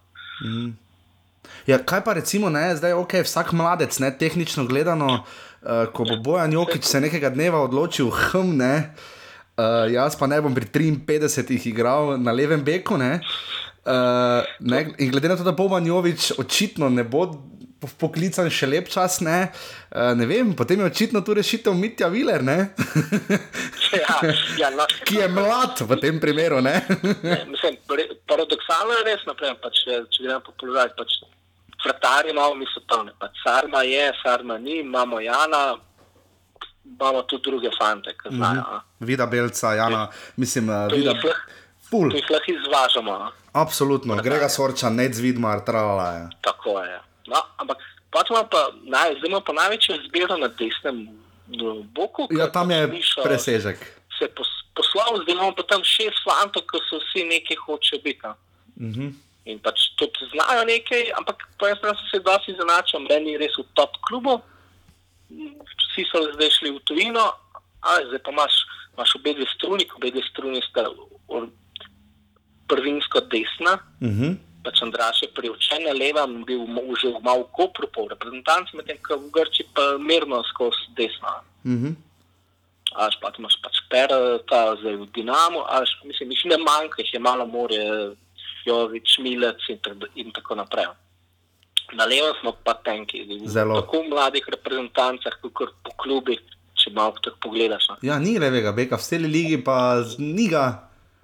Ni ga, ja, veš, in zaradi tega pač ja, Jokiču, no, ne pozamo, Jokič, saj ni starina, je še 29 let star. Je mlad, ja, se. Mislim, zgleda star, ker je že dolgo v reprezentanci, Ja, ampak ker ja. je dolg zdraven, Ja, ja, ja, ja. ja. si še vemo, da mislim, tak, da se spomnimo iz Gorica. Mhm. Pač, ne, to je tam, to je res šipka točka. In pač tukaj se bomo mogli nekaj po, poiskati, marsikdo kle zdaj stavi na krefla, recimo, pač mm -hmm. tam kle izgubil koliko, več kot pol sezona, Ja, torej zdaj se je danes gre- glih vrno, Mhm. -hmm. po poškodbi, ja. udari. Ja. In pač ja, tukaj smo tenki, pa je pa ja, na centralnem Mitrovič, mislim, da pač gre to, da on je bil lider tudi svoje mladinske reprezentance, uh -huh. v mlajših selekcijah. Mhm. Pa ima šolo, ima malo grenko šolo, pač malo neuspešno to v italijansko, se je vrnil in pač tukaj je eden redkih, ki se je vrnil, pa bo nekaj naredil. Ne? Absolutno. Znaš, Potem pa naprej, pač je pač mati, če bi zdraven, zdaj, a se njega še zelo interesira, bomo to pač tudi javno sprejeli in se vrača, ki je že tukaj bil pred desetimi leti. Mhm. To je tudi druga. Mhm. Ne vem, mislim, drugače pa, pač ja, zanimivo, tudi črni, čisto zanimiva izbira, mislim, da, zakaj pa ne, mislim, da sem malo popestri na krilih. Ja, pa. Kiram, Mhm. pač Kiram je pa hvaležen, pa mislim, da kolikor jaz sem zaznal vse ta leta, mislim, da pač zelo v redu dečko, ki ga predvsem slčilence, po mojem, Belarabija. Ja, absolutno, ampak Andraš Kirm je potem tisti, ki je uh, tak, se zdi, on je tisti, ki se vrže na granato, zato da vsi ostali preživijo. ne. Zdaj, ne, če, no, če Novakovič ne bo igral, ne, bo se mi zdi pač Kirm ta, ne, če bo tudi Kirm, se, če, če, koliko seveda boste igrala. Nekaj se bo zdaj se mi zdi, Kirm pride kot nek priročen, pa si, po mojem iskrenem tudi tega ne zasluži. Ni on kriv, če on ne da gola, si ni on za to mišljen. Ne? Ja, itak da ne, itak da ne. Mislim, on, on svoje dela, mislim, če tako pogledaš, pa je vse, in jaz ne vem, jaz tudi moje okolice osebne, ogromno je pač pljuvanje, pa kjer, kaj zdaj z njemu, kaj to. Sam, pa ti to pomisliš, pogledaš v Angliji, takrat na Wembley je bil njegov predložek za tih Hendersonov avtogol. Avtogol, ja. Mhm. Aš, ni, ni, jaz sem enostavno, pač, da bi res razočaral, ne. Pač ja, imamo naprej pred imenom Kurta. Kurtič zelo zanimiv igralec, pač super človek je naredil in prišel iz enega okolja, zelo težkega, mm -hmm. zgradil kariero, kot Alamu Vera, pač je zgodba za, da rečemo, feel good. a. Ja, pač predvsem američani bi take filme radi malo Tako je, ja. No. Mhm. Mm -hmm. In tako bi rekel, se pa ne dobi svoje vloge. Pa se ga seli levo, desno, naprej, nazaj, v, v par sam in tako naprej. Potem, ko naprej v Italiji, pa veš, vidiš, zadnje leta, vse je dosti smenil klube, sem zmeraj se, kakšen, klub- je bilo več klubov za njega se zanima. Mhm. Pač seveda ta srednji spodnji razred serije, ampak zmeraj pač, je bil iskan. Mhm. In tudi zdaj pri Talanti, pri Reji, pač igra na sredini, hvaležno vlogo, gor, pač nekaj ga treba ponuditi boljš. Mogoče se tu zdi, ne, nekako zdaj na sredini, o kateri govoriva, ne, uh, je veliko morda zdaj priložnosti ravno zato, ker kampla ni. Ne. Se zdi, ok, že v napadu se je zdaj odprla velika luknja, v bistvu se je praktično še večja, se bo zdaj odprla, ko ne bo Kevina Kampla, ki je v bistvu probal sam igrati proti Ukrajini. Ne. Točno, ne. In proti Kamplu se, pri Kamplu se pa res vidi, pač, pač selektor pač Kamplu, on, on bo lider, on je lider, ne bo, je lider reprezentance in pa zdaj ne bi bila okoli njega vse zgrajen. Sem pri njemu tudi problem, da če dva pomislimo nazaj, on je ogromen reprezentančnih tekem že spustil zaradi poškodba. Mhm. Mislim, brez dohodka, ki nas malo, pa to, pa to, pa in manjkajo mu pač kilometrina, čisto tako, da bi pač, da je lider, da prevzeme, rečemo, od unih, ki so starejši, pa so dlje, da bi z, lažjo avtoriteto prevzel beseda. Mhm. In zdaj imam pa pač problem na teh dveh tekmah, bo kdo bo kle na sred povezovama. In potem seveda pridemo po mojem kvečemu, pač dilemi, pa čakaj, vemo, Kampel bo prvi in bo super igral. So tu Nemči samo med zimskim premorom pet hudih hvalnih. Ja, Brno, mhm. pri Leverkusenu Mhm. sezone in tako naprej. Imamo pa pač zdaj Birsa in Miličiča. ja, tu je to veliko vprašanje. Ja. Ja, Oba dva imate za sabo pač sezone karijere. a. Ja, letos res oba dobro igrata in pri Fiorentinu in pri veš, ak, Kijevu. Ja. pa čakaj, jo je to vse pač ritem, pa to je pač neki načel, pač malo upadal, pač se je tudi celotn, celotna Fiorentina s tem padla. ja, ja, pada, pada. Ja. Ja, ampak pač ki je on vlekel, so bili prvi, oziroma pač drugi. Mhm. Bersa, Je pa pač odkritje v bistvu pri Kijevu, da je se mi končno ofenzivno odprla. In pač se vidi tudi proti Ukrajini, kako igrati skupaj z njima. Ja. To pa je velika uganka. Ja. Ko v bistvu po doma, so dosti podoben položaj, zelo podoben, podoben področje si prevzemata, pokrivata. Pač mm. jo vidimo pri Fiorentini kot drugi podporni napadalci. Najkoristnejši, medtem ko pač uh, Bersa pa pri Kijevu igra za dvema napadalcema, pri katerem eden je pač čist pred njemu, eden pa pač gre kar pošteno na krila. Sto oba dva na sredini, in pač to pa mislim, da v naši reprezentanci ne moreš dva stisniti, Ja. Razen če igramo brez napadalca, da bi kot igrali kot španci. Ja, seveda. Čakaj, da pridem. Čakaj, da pridem k sebi. No. Se, ja, vem, kaj misliš. Vem. Vse tehnično gledano se lahko zgodi, da bomo brez napadalca, ampak ne zato, ker bi srečo Katanec šel na večerjo za Vicentem Delboskem. Ampak uh, ne, zanima me tu morda še ta del. Uh, zbrali, uh, zbrali so, zbrali smo, kakorkoli reprezentanta se bo pomerila z.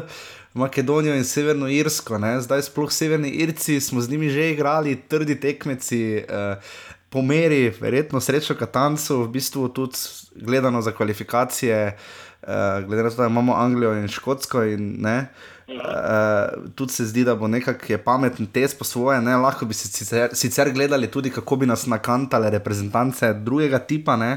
ampak um, kaj ti sam pričakuješ od teh tekem, ne? oziroma koliko je tu pa vendarle, ne? vem, da so predovske tekme, ampak srečo Katanec je tudi malo pod imperativom rezultata. Ne? Ja, to je spet, mislim, jaz pa mislim, da ni, až, ker smo zelo verjamem, se je tudi njegova statistika pretekla v prvega obdobja isto pove, da pač v prijateljskih tekmah je podpoprečne se izidejo. Uh -huh. Um, res pa, da ta Koprov z Makedonijo, če pogledamo malo makedonsko reprezentanco, makedonska reprezentanca je res je dosti slabša, kot je bila v času, ki je bil on selektor. Absolutno. Se zato sprašujem, ne? če te tekme, Ja. dobro, remi. Ja, ne. jaz mislim, da je to lahko tekmec. Mislim, mislim pač bomo videli z njihov seznam, pa kaj bojo res pripeljali, ampak po tem, kar imajo, je res pri njih padla kvaliteta in izbor Absolutno. nabor enih presežnih igralcev. Uh -huh. Tako da, pa, če rečemo, Koper bi mogel biti za domačo publiko, se pravi, da gremo na enko, pa da malo dvignemo vzdušje.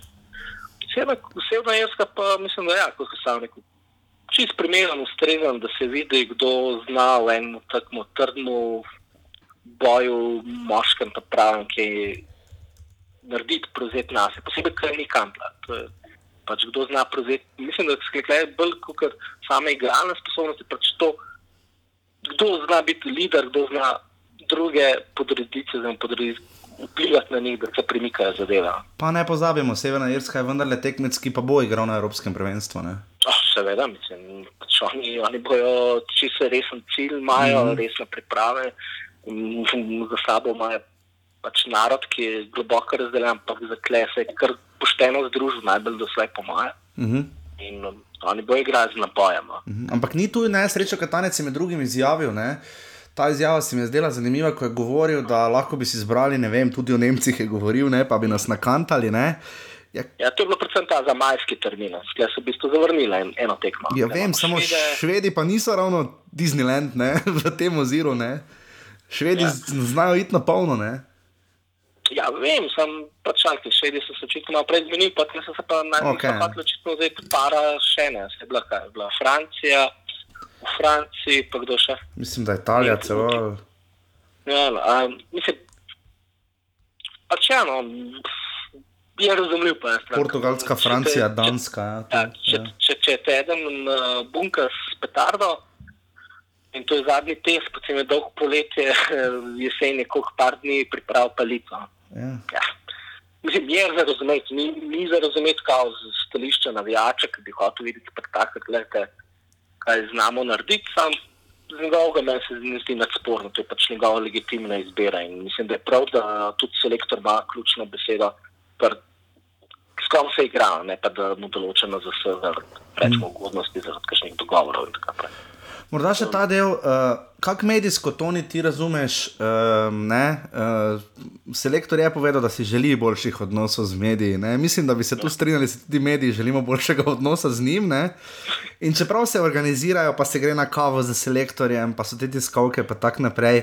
Pa, v- Ne vem, zdi se mi, da nekako nikakor ne pridejo, pridemo, kakorkoli vsi tu nekako skupaj, ampak se mi zdi, da mediji tu iskreno probajo. Ne vem, vem kako sta se Bogi Anže, pa uh, Aleš, ne, mučila v Bazlu, pa potem proti Litvi, ne, z selektorjem. Ne, in tu ne, ta izjava, ne, da predstavljanje, kdo lahko igra javno mnenje, ste vi, ne, potem še poveda, če je z, njim, z njim kaj narobe, naj to povemo mimo tiskovne konference. Veš, to zveni meni kot, ok, se, če, mi ima, če mi imate kaj povedati, ne.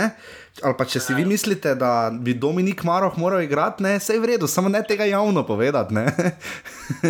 To pa mislim, zdaj pač mislim, jaz ne več proti selektorju, pač Tudi jaz ne, iskreno. Igralec, uspešen mojster, trener, ali sam, pač to so legitimno vprašanje. Tega pa ne razumem, zakaj. Mislim, da vemo, kdo, kdo imamo malo res cenjenih branilcev in Dominik Maroh je pač v Nemčiji čist cenjen branilec. Seveda. cenjen.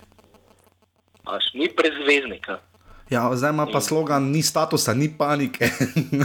Ja, ni status, ni panika, mislim, on je Nemec, veš, ne se pove, mislim, če je problem jezik, pa se smo imeli, se je on imel v prvem obdobju, koga že, raj, Rajko Isteni, ne, Rajko Tavčar, pa Rudi Isteniča. Mhm, ja, je imel, ja. Z malce nižjih precej Ja. Rudi Senič je bil tudi zvezda ja, svojih časov. No, ja, no, mislim, mislim, to razumem, a veš, pa prej je bil Mišo zdraven, partner iz obrambe v Kelnu, pa mislim, tako, no, mislim, to se mi zdi, tudi nima statusa. Ima pa najboljši status v svetu, če gledamo, če pogledamo z enimi evropskimi očmi. ja.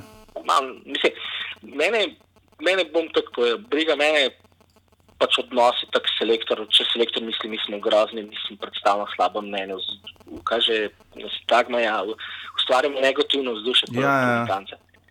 Pač, glej, ima, vsak ima svoje, kako bi rekel, vzvode, kako motivirati, ne motivirati, oblikovati svojo skupino. no. Ja. Mene, jaz imam bolj nasum, mislim, nasum, bolj, mene se sprašujem sam pri sebi, pa se me skrbi to, če komunikacija poteka, kako poteka med reprezentanti, uslačilnici in tam izven obdobja reprezentančnih akcij. Če to poteka tako kot pr na novinarskih, a veš, mislim, ne vem, takrat v novembru rekel, ta mladi bezak. Ja, tisto ni bilo, tisto. tisto, tisto. Sem, sem, sem se ustrašil, če kaj ne vem, da vidim, ali imam močala, ne vidim dobro, pa vidim, da je, ne vem, ne vem, 25 piše 13, ampak ne čisto tako, je. lahko da je Miha pač mlad po reprezentančnem sta, staležu. Mm -hmm. Ampak, ne vem, no, mislim, te komunikacije pa videti, ki reše z Iličičem, pa tudi to, naprimer, z Marhom, da nima statusa, mislim, on pa, naprimer, Marh je marsikaj že povedal medijem po Nemčiji, da pač ja, da mu v Sloveniji, glih sem, obljubljal nastope, pa jih ni dobil, pa je sedel in ni bilo načrt načrt. mm, ja, se mi zdi A, tu. A veš, mislim, vemo, da pač ene določene se pokliče, se jih uh, tudi prepričuje, da naj ne bi šli v poka- pokaj, a veš, da katerim se pa nič ne pove, naprimer, znanja tale, od Dali Borja Stevanoviča, pustimo to, da pač je na nesrečno tekmo z Estonijo bil grešni kaza, Mm -hmm. ampak in pa sem bil hvaležen, da se je vrnil po dveh letih v reprezentanci pa tako naprej. In takrat je osebno on odpovedal dopust, je bil, ker je bila reprezentančna pauza, pač v Rusiji se je zrihtal v dopust, pa je povedal ga. ne. Ker je bila pa naslednja akcija, pa ni nič dobil obvestila, a bo zdravo ali ne bo zdravo. Hvala lepa in nasvidenje. Ja. Mislim, to, mene, mene to skrbi, da pač med njimi pač, da, da ne poteka vse lepo usklajeno, pa da sami so malo zmedeni. Torej nimajo Kaj- svoje- nimajo kaj slišijo, svoje- kaj ne slišijo. Nima svoje Viber ali pa Facebook skupine. Ne, ne vem, ker se mi zdi včasih, da seveda imajo igralci tudi svoje mnenje, ampak tu nekako se zdi, da ko je reprezentanca, vse si sam videl, pa Handanovič sploh nič ni komuniciral z mediji. Ne, Uh, so tu, ko je reprezentančna akcija, bolj nek, tam vse, ok, jaz ne hodim na brdo, ampak kolikor pač potem vidim, vse je super, vse je prav, vse je v Ne? Pri, pride Litva, ena, ena, fertik, komaj kakšna izjava, komaj kaj dobimo, in na koncu pride selektor, ki ima evidentne težave z, z, današnjo medijsko realnostjo, kakršna koli že ta je. Ne? Mm. Čeprav to me meni mislim, čudi tudi. Pa on je soočen, rečemo, po njegovo, po mojem, sovražno medijsko uh, okolico, že od Zagreba. no. Mislim, to je meni uh, strik govoril, pa pač tudi sem bral stare. Cajtega, ko sem mu takrat delal, ki je bil pač Čiro Blaževič eksperiment, on centralni branilc, vezist pa je postal centrofora. Mm. A, a, pa ne vem, videl sem, ko je že en zapis, ko so šli partizani, ki je bil že v Partizanu, da so šli neki na en pilar, pa je bil en senzacionalističen napis. Mislim, da so zunaj pohajkvala. Mm. Mislim, Až pa človek je bil v Nemčiji, bil v seriji A na vrhuncu njenama. Zmagal ne, enega izmed evropskih tekmovanj, ne, ja, velik, vel, velika legenda. Mislim, Ne. taka, veš, mislim, niso delali z rokovicami v Italiji, takrat na začetku 90-ih. a ne. To me malo preseneča, da je zdaj tako slabše, oziroma da smo vem, napadalni. pa Vidiš, vem. Toni, škoda, da srečo Katanec nima te medijske sproščenosti Branka Oblaka. Ne? Pa, ja, če že drugega, mislim, da se je rekel, ta banka. Je pač to, da bi malo manj, po eni strani, mislim, manj resno vzel to službo, mislim, manj resno. Se pravi, da bi ga tako prevenjevala, ampak da pač malo, naj se malo pošali z javnostjo, malo razloži, kak misli, kak ne misli, da, da bi veri, dal vedeti, da to je pač zadeva, s katero se zabava narod. Mhm. Ne, vse, fusbal na koncu dneva. Ne? Ja, vse to je, no, mislim, da je pač futbol, vse, čeprav je reprezentanca in ne vem kaj. Pač vse moramo se tudi mi zavedati. da Jak smo ljubosumni na harake, pa žalim, bog nimamo pač tazga talenta, niti bazena. In, veš, mislim, trenutno, zdaj imamo najboljše igralce, a, v najboljših klubih. a. Ja. Se spomnim lanski let, zdaj, je pač Jarno Oblak, pa bo spet za Barcelono, pa to naprej. Lanski on je bil prvi slovenc v izločilnih bojih po Mirnesu v Šišiču, ki je igral pol ure Olimpijako s Chelsea. Ja. A veš, V izločilnih bojih Liga prvakov še ben slovenc ni zadev. Ja, ni. Mislim, okay, lahko je bil glih srečko Katanca, ampak tako je bil drugi skupinski del takrat daljnega leta. No? Mm. Če bi, bi zdaj prevedli tisti sistem v današnjem času. Ja, težko, težko bi ga prevedli. Ja. Edini, slo, edini slovenski v izločilnih bojih zadev. Ja. In pač malo moramo tudi mi se zavedati, da težko bomo vele sile. No. Sam, a veš, sam futbol posebej, da lahko, mogoče nam parata, vse imamo zdaj, Leicester City, to je to. Ja, ja, je pa tudi res, da so se čisto vsi naši sosedje uvrstili na evro. Za vzhodnimi vred. Ja, pa tudi pojokati, nič hude. Tudi to je, to je zabava, pač malo katarze, sej pač nogomet je za to. Lej, jaz ne vem, mislim, da moji hipster favoriti bojo verjetno kar mačari. No? Ja, Mačari, absolutno mislim, da bojo ljubljenci srcno. no, upam tudi jaz. Upam pa, da bo to nekega dne tudi slovenska nogometna reprezentanca. To ni misliš, da sva uspela. Uh, Klimo ne še bolj negativno narediti, oziroma jo narediti malo bolj znosno. Če slučajno posluša uh, selektor, uh Mhm. -huh. oziroma če bomo kdo prenašal naprej, ja, ne, res ne to zemlji, to ni nobena osebna zadeva. To pač se pogovarjamo o nogometu, o naših ladjah. Uh -huh. Pač, ko hočemo, da so, da so zabavne, zanimive in da, nas, da nam popestrijo dneve. Ne? Pa da bomo šli pač v Rusijo. Mislim, Mhm. to je zaradi tega, ker hočemo sami iti. Mislim. Zakaj ne? Bilo je lepo, bilo je lepo v Belgiji, Nizozemskem, bilo je fantastično v Koreji z Šmarno goro. V Južni Afriki lahko jočemo za tisti drugi polčas z Američani. Absolutno. Pač ne obremenjujoče. Jaz upam, da pač, mislim, nimamo pogleda v slčilnost, kar je prav, upam, da ga ben, rečemo, vse nasilje nima za res. Pač tam so druga dinamika, druge stvari, Seveda. to razumemo. Sam. Ne vem, zakaj se ne kliče pač ljudi, ki so v formi vrhunski, potem se pa pač, ker pa ni izbire, ker so poškodbe, ker so upokojitve, se pa gleda, pa gleda, pa koga bi pa zdaj poiskal. To ni še to, jaz sem bil med tistimi, ki smo ponavadi v ponedeljkih, ko smo prišli šole, gledali rezultate na teletekstu. Ne? Uh, in sem se v nekem trenutku, eh, vem, da tam nekje proti koncu osnovne šole, zavedal, hm, zakaj jaz gledam, kje so dejansko naše ladje. Ne? Pa to ne mislim na nogometaše, ampak one naše ladje, ne? S, ja, splošna to- to plavba. seveda, ne. ta ru- Rubrika to je omaž pač ru- temu, ki so naše ladje. ti si to gledal? Ja, to sem jaz urejal, ko, ko sem prišel na teletekst, na MMC 2.6, pač sem se mogel uvajati. Okay.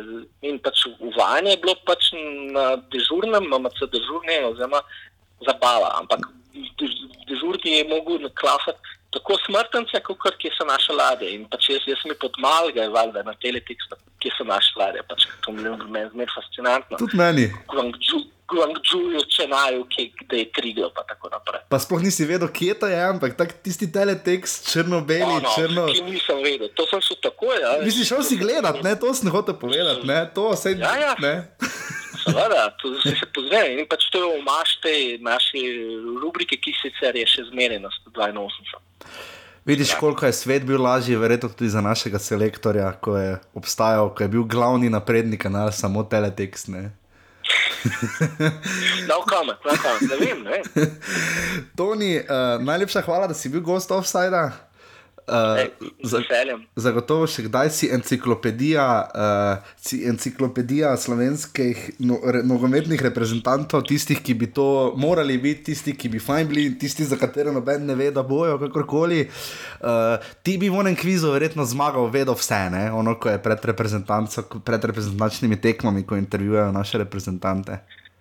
Ma, pa ne vem, se, jaz priznam, da sem se polenil. a veš, Včasih sem dejansko poznal v tretji slovenski ligi, sem videl Ro- Roasterja, ja, pa pa ki po petih uh, tujih ligah. Zdaj pa je pre, ta internet je preveč na koraku, na dosegu prsta. Ja, in potem ja, vidiš vse, zapomniš si pa vedno manj. mislim, zapomni se, da pokličeš, kak je že, kam že sodi, pa kak, kak, kak Mhm. igra, mislim, to je resno. Priznam, to, to nas dela malo lene, ampak ne vem, no. mislim, da vsem uh, prav, da malo nadzorujemo naše ladje po celem nogometnem svetu, ker konc koncev nogomet je dober biznis tudi za mlade, čem kaj rata malo. Naprimer, meni je fenomenalna zgodba zdaj Ivan Ferrara. Ja, gledaj, uf.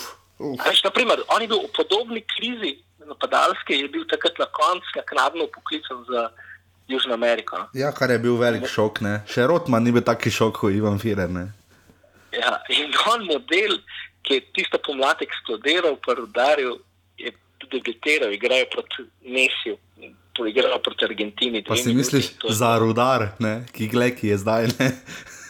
Ja, zdaj ki je, ampak je, gled, ki je on, zdaj se ne znam izgovoriti tega vietnamskega kluba. Tudi jaz Pa jih zapija ene bombe. Mislim, pač to so, pač, bi rekel, ni slaba perspektiva, biti za kakšnega belavanturističnega fanta. Boljše je prva vietnamska liga kot druga liga na Ferskih otokih. ne? Tudi to so že slovenski nogometaši dali skozi. Ne? Tudi to. Jaz se, on si je naredil v Islandiji, 2-8. Mislim, Toni, tako no. najlepša hvala, upamo pa, da bomo videli čim več futbola uh, proti Makedoniji in proti Severni Irski. Absolutno. Hvala sedem. pa smo na vezi. Ajde, čau. Jednom počiću ja i slijedit te svud I doći ću u tvoj klub. A tamo saznat ću sve i lažeš li znaj Za nas to će biti kraj jer ja, jer ja. Ja već sumnjam da zbog nogometa samo Ti svake nedelje popodne ideš tamo. In smo prišli do sklepnega dela, vem, bili smo zelo dolgi, izčrpni. Kako se jaz razburim, ko je ta reprezentanca? To je neverjetno, to jaz, jaz upam, joj, joj, joj, kaj. Kako sem se osnovnega čakirja drl v ljudskem vrtu na zadnjih kvalifikacijah z Ukrajino. Joj. No, skratka, uh, v sredo, kot rečeno, ja, uh, preden gremo na, uh, na rumene kartone in sklenemo oddajo. Uh, v sredo, seveda, nas čaka torej, tekma, jutri je torej futsal tekma Slovenija, Španija v dvorani Tavor, v sredo je na Bonifiki uh, Slovenija, Makedonija. 28. pa proti Tekma je z Makedonijo ob šestih tekmah. Uf, to ne. Uh, in- kje je zdaj to? Ja, ob šestih. Ja. Potem je pa v ponedeljek, smo rekli, ob šestih, torej ta z Makedonijo ob šestih, je potem tudi spet v Kopru v ponedeljek 28.3.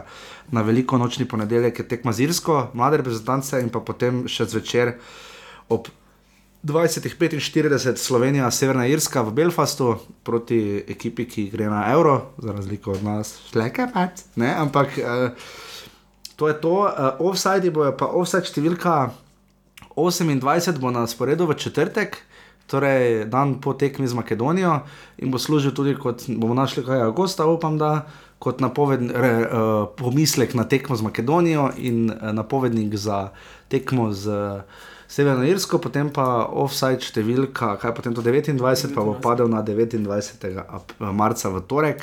Tako da to je to, dolžni smo vam pa še presežke uh, 26. kroga našega prvenstva, rumeni karton, um, bi dali navijačem Kopra, uh, ostanite do konca, čeprav Klemen Nekaj nekaj. jih je pričakalo ob koncu, ob tistem desnem korneru, Ja. pa tudi zadetek. Je, ker- veš, zakaj so tam počakali, ker je ograja, zdaj pa ker izhod.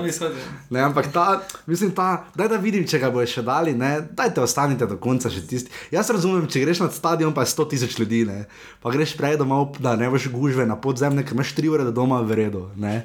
Ampak tam hitreje priješ dol kot iz stožice. to je tudi res. Uh, tako da rumeni, ker to navijači kopra, res počakajte, ampak uh, neočakanosti vam ne zamerimo, ker očitno je tako tudi v upravi kluba, glede na to, da je Slavko Matič šel, pa izvlekel remi, ne. pa To je zanimivo. To je zanimivo, ne. Um, ne? Ker ja, Jurčič pa. Pušnik sta zgubila, ne glede na to, da sta bila na oba na dobri poziciji, relativni, ne? boljši kot takrat, ko se je začelo, ampak v redu. Ja, ona dva sta bila odpuščena za rej borbe za prvaka, on pa je odpuščen za rej borbe za obstanek. Ja. Rdeči karton pa bomo dali vseeno, da ne bomo spet se na sodnike, ne? Uh, bomo dali kar Klemen predlagal, naj bi dali kanalu A. Ne? Ja, drugi polčas so Maribor Krka uh, so zamudili 3 minute za rej reklam. Zaradi reklam, ki so predvidene, ki se, mislim, za, pač za polčas veš, da bo trajalo 15 minut, ne, pač ne glede na to, kako dolgi bo podaljšek sodnikov, pač nima veze. Ne. Ja. In to zamujanje res ni prijetno, ni prekupno, jaz bi pa to še seveda predal odločitev za termin. S tem, da se daje MotoGP-ju, ki je legitimni šport, nič proti njemu prednost, jaz razumem, da ne bo. Lažje predstavijo, ne? Ja, ne, naj se potrudijo, pa MotoGP predstavijo. To je offside, ne, hec, ampak razumem vsi, ampak mislim, da boljše naj potem probajo, če so zdaj probali kakšne dve uri prej, naj morda naslednjič probajo, sploh zdaj, ko bo dan daljši, ura se premakne, toplejše vreme da naj da, mogoče probajo tekmo zvečer, ne, pa bojo tisti film z Bruceom Willisom, ki smo ga 819 krat že gledali, morda pogledali, ko pridemo z tekme domov. Uh, heroj kroga bi dali Matjažu Severju Krki, to je ta gospod, ki je prišel na tiskovno konferenco in povedal, da ni mogel nič komunicirati s trenerjem, ker če bi, uh, ne bi mogel v 15 niti trenirati na naslednji tekmi, uh, ker so tako, tako striktna in rigorozna pravila. Kar je zanimivo v Krki, imeli smo Andreja Kastrevca, ki je rekel, uh, to je je sramota za slovenski nogomet, pa mi je vseeno, koliko da vim kazni, pa na drugi strani Matjaža Severja, ki je opisal specifično situacijo Krke. Krka res heroji, zato ker so se uprli, pobrali in uh, pobrali po tistem, kar se jim je zgodilo v prejšnjem krogu proti Kopru v, na stadionu Portugal, tako da Matjaš Sever je heroj tega kroga, take ljudi rabimo uh, in je dobro predstaviti tiskovno konferenco, boljše že kot mikrofon v ljudskem vrtu, ki ga je očitno Miroslav Radovič dokončno uničil, ker je Radovič je vzel mikrofon čez blizu, ko je govoril o tiskalki in skuro skoraj da vse, vse zvočnike, bolje je bilo na glas, bolje je on glasno govoril. Ne? Uh, potem imamo še ugovarjanje, hvala Janu, hvala Adeli in še ko- nekomu neimenovanemu, ki nas podpirate, ki nam pomagate, pišete res hvala, pride prav, cenimo. Uh, jaz kar skočim do lufta in uh, si predstavljam, kako bomo nekega dne vsi skupaj šli na tekmo v Veržej, Tolmin. Uh, zelo pestro dogajanje, namreč tudi v drugi ligi, tudi o njej bomo kaj rekli, zelo kmalo, sploh proti koncu sezone. Um, začela se je tretja liga, tudi uh, mislim, da mladinska in kadetska, sta To se že že, to že en teden prej, ja. tako da uh, nogomet je v polnem pogonu. Uh, gol kroga je zbral Klemen, Klemen, kdo je zabil gol kroga? Jaz sem zbral Jure Balkovec, ti Laura Cvek. Jaz sem zbral Laura Cveka, ker je pač mm, kresno po materialu. Ne. Ja. Balkovec pa je bil pedanten. Mislim, da je pač to je bolj natančna pozicija, to pač prekinitev, pač teže zadeti tisti kot ne. Absolutno, torej nagrado uh, Štefana Škaperja, to, to smo nagrade še tako pridemo. Nagrade za najlepši gol, uh, torej tokrat prejme Jure Balkovec, član uh, rozastega kluba iz Domžal. Uh, tako, to je to, kar se tiče današnjega uh, 27. offsajda. Uh, vidimo in slišimo se, kot rečeno, vidimo. No. Vidimo se midva. vidiva se mi dva, vidimo se, vidiva se mi dva in slišimo se mi vami v četrtek. Upam, da boste obdelali in zmogli ta spet malo daljši offset, zato smo bili prejšnji teden namenoma malo krajši. Uh, in pa nič, kaj še reči pred, uh, pred reprezentančno akcijo in presežki. Uh, če se v slovenski nogometni reprezentanci znajdete v offsajdu, Poročate Jaši. Poročajte meni, ja, ker tam jih še ne štejemo. To bomo dali Slavko Jariču na MMC, uh, da bo on v športni SOS vključil. Tako da hvala, um, hvala Klemen. Hvala. Uh, hvala obema gostama, Amadeju in Toniju. Uh, to je bil offset številka 27. Uh, fajn bincajte, po možnosti žogo uh, in pa se potem slišimo v četrtek in pa uh, srce bije, pa to ne. Ja. Srečno, čau. Čau.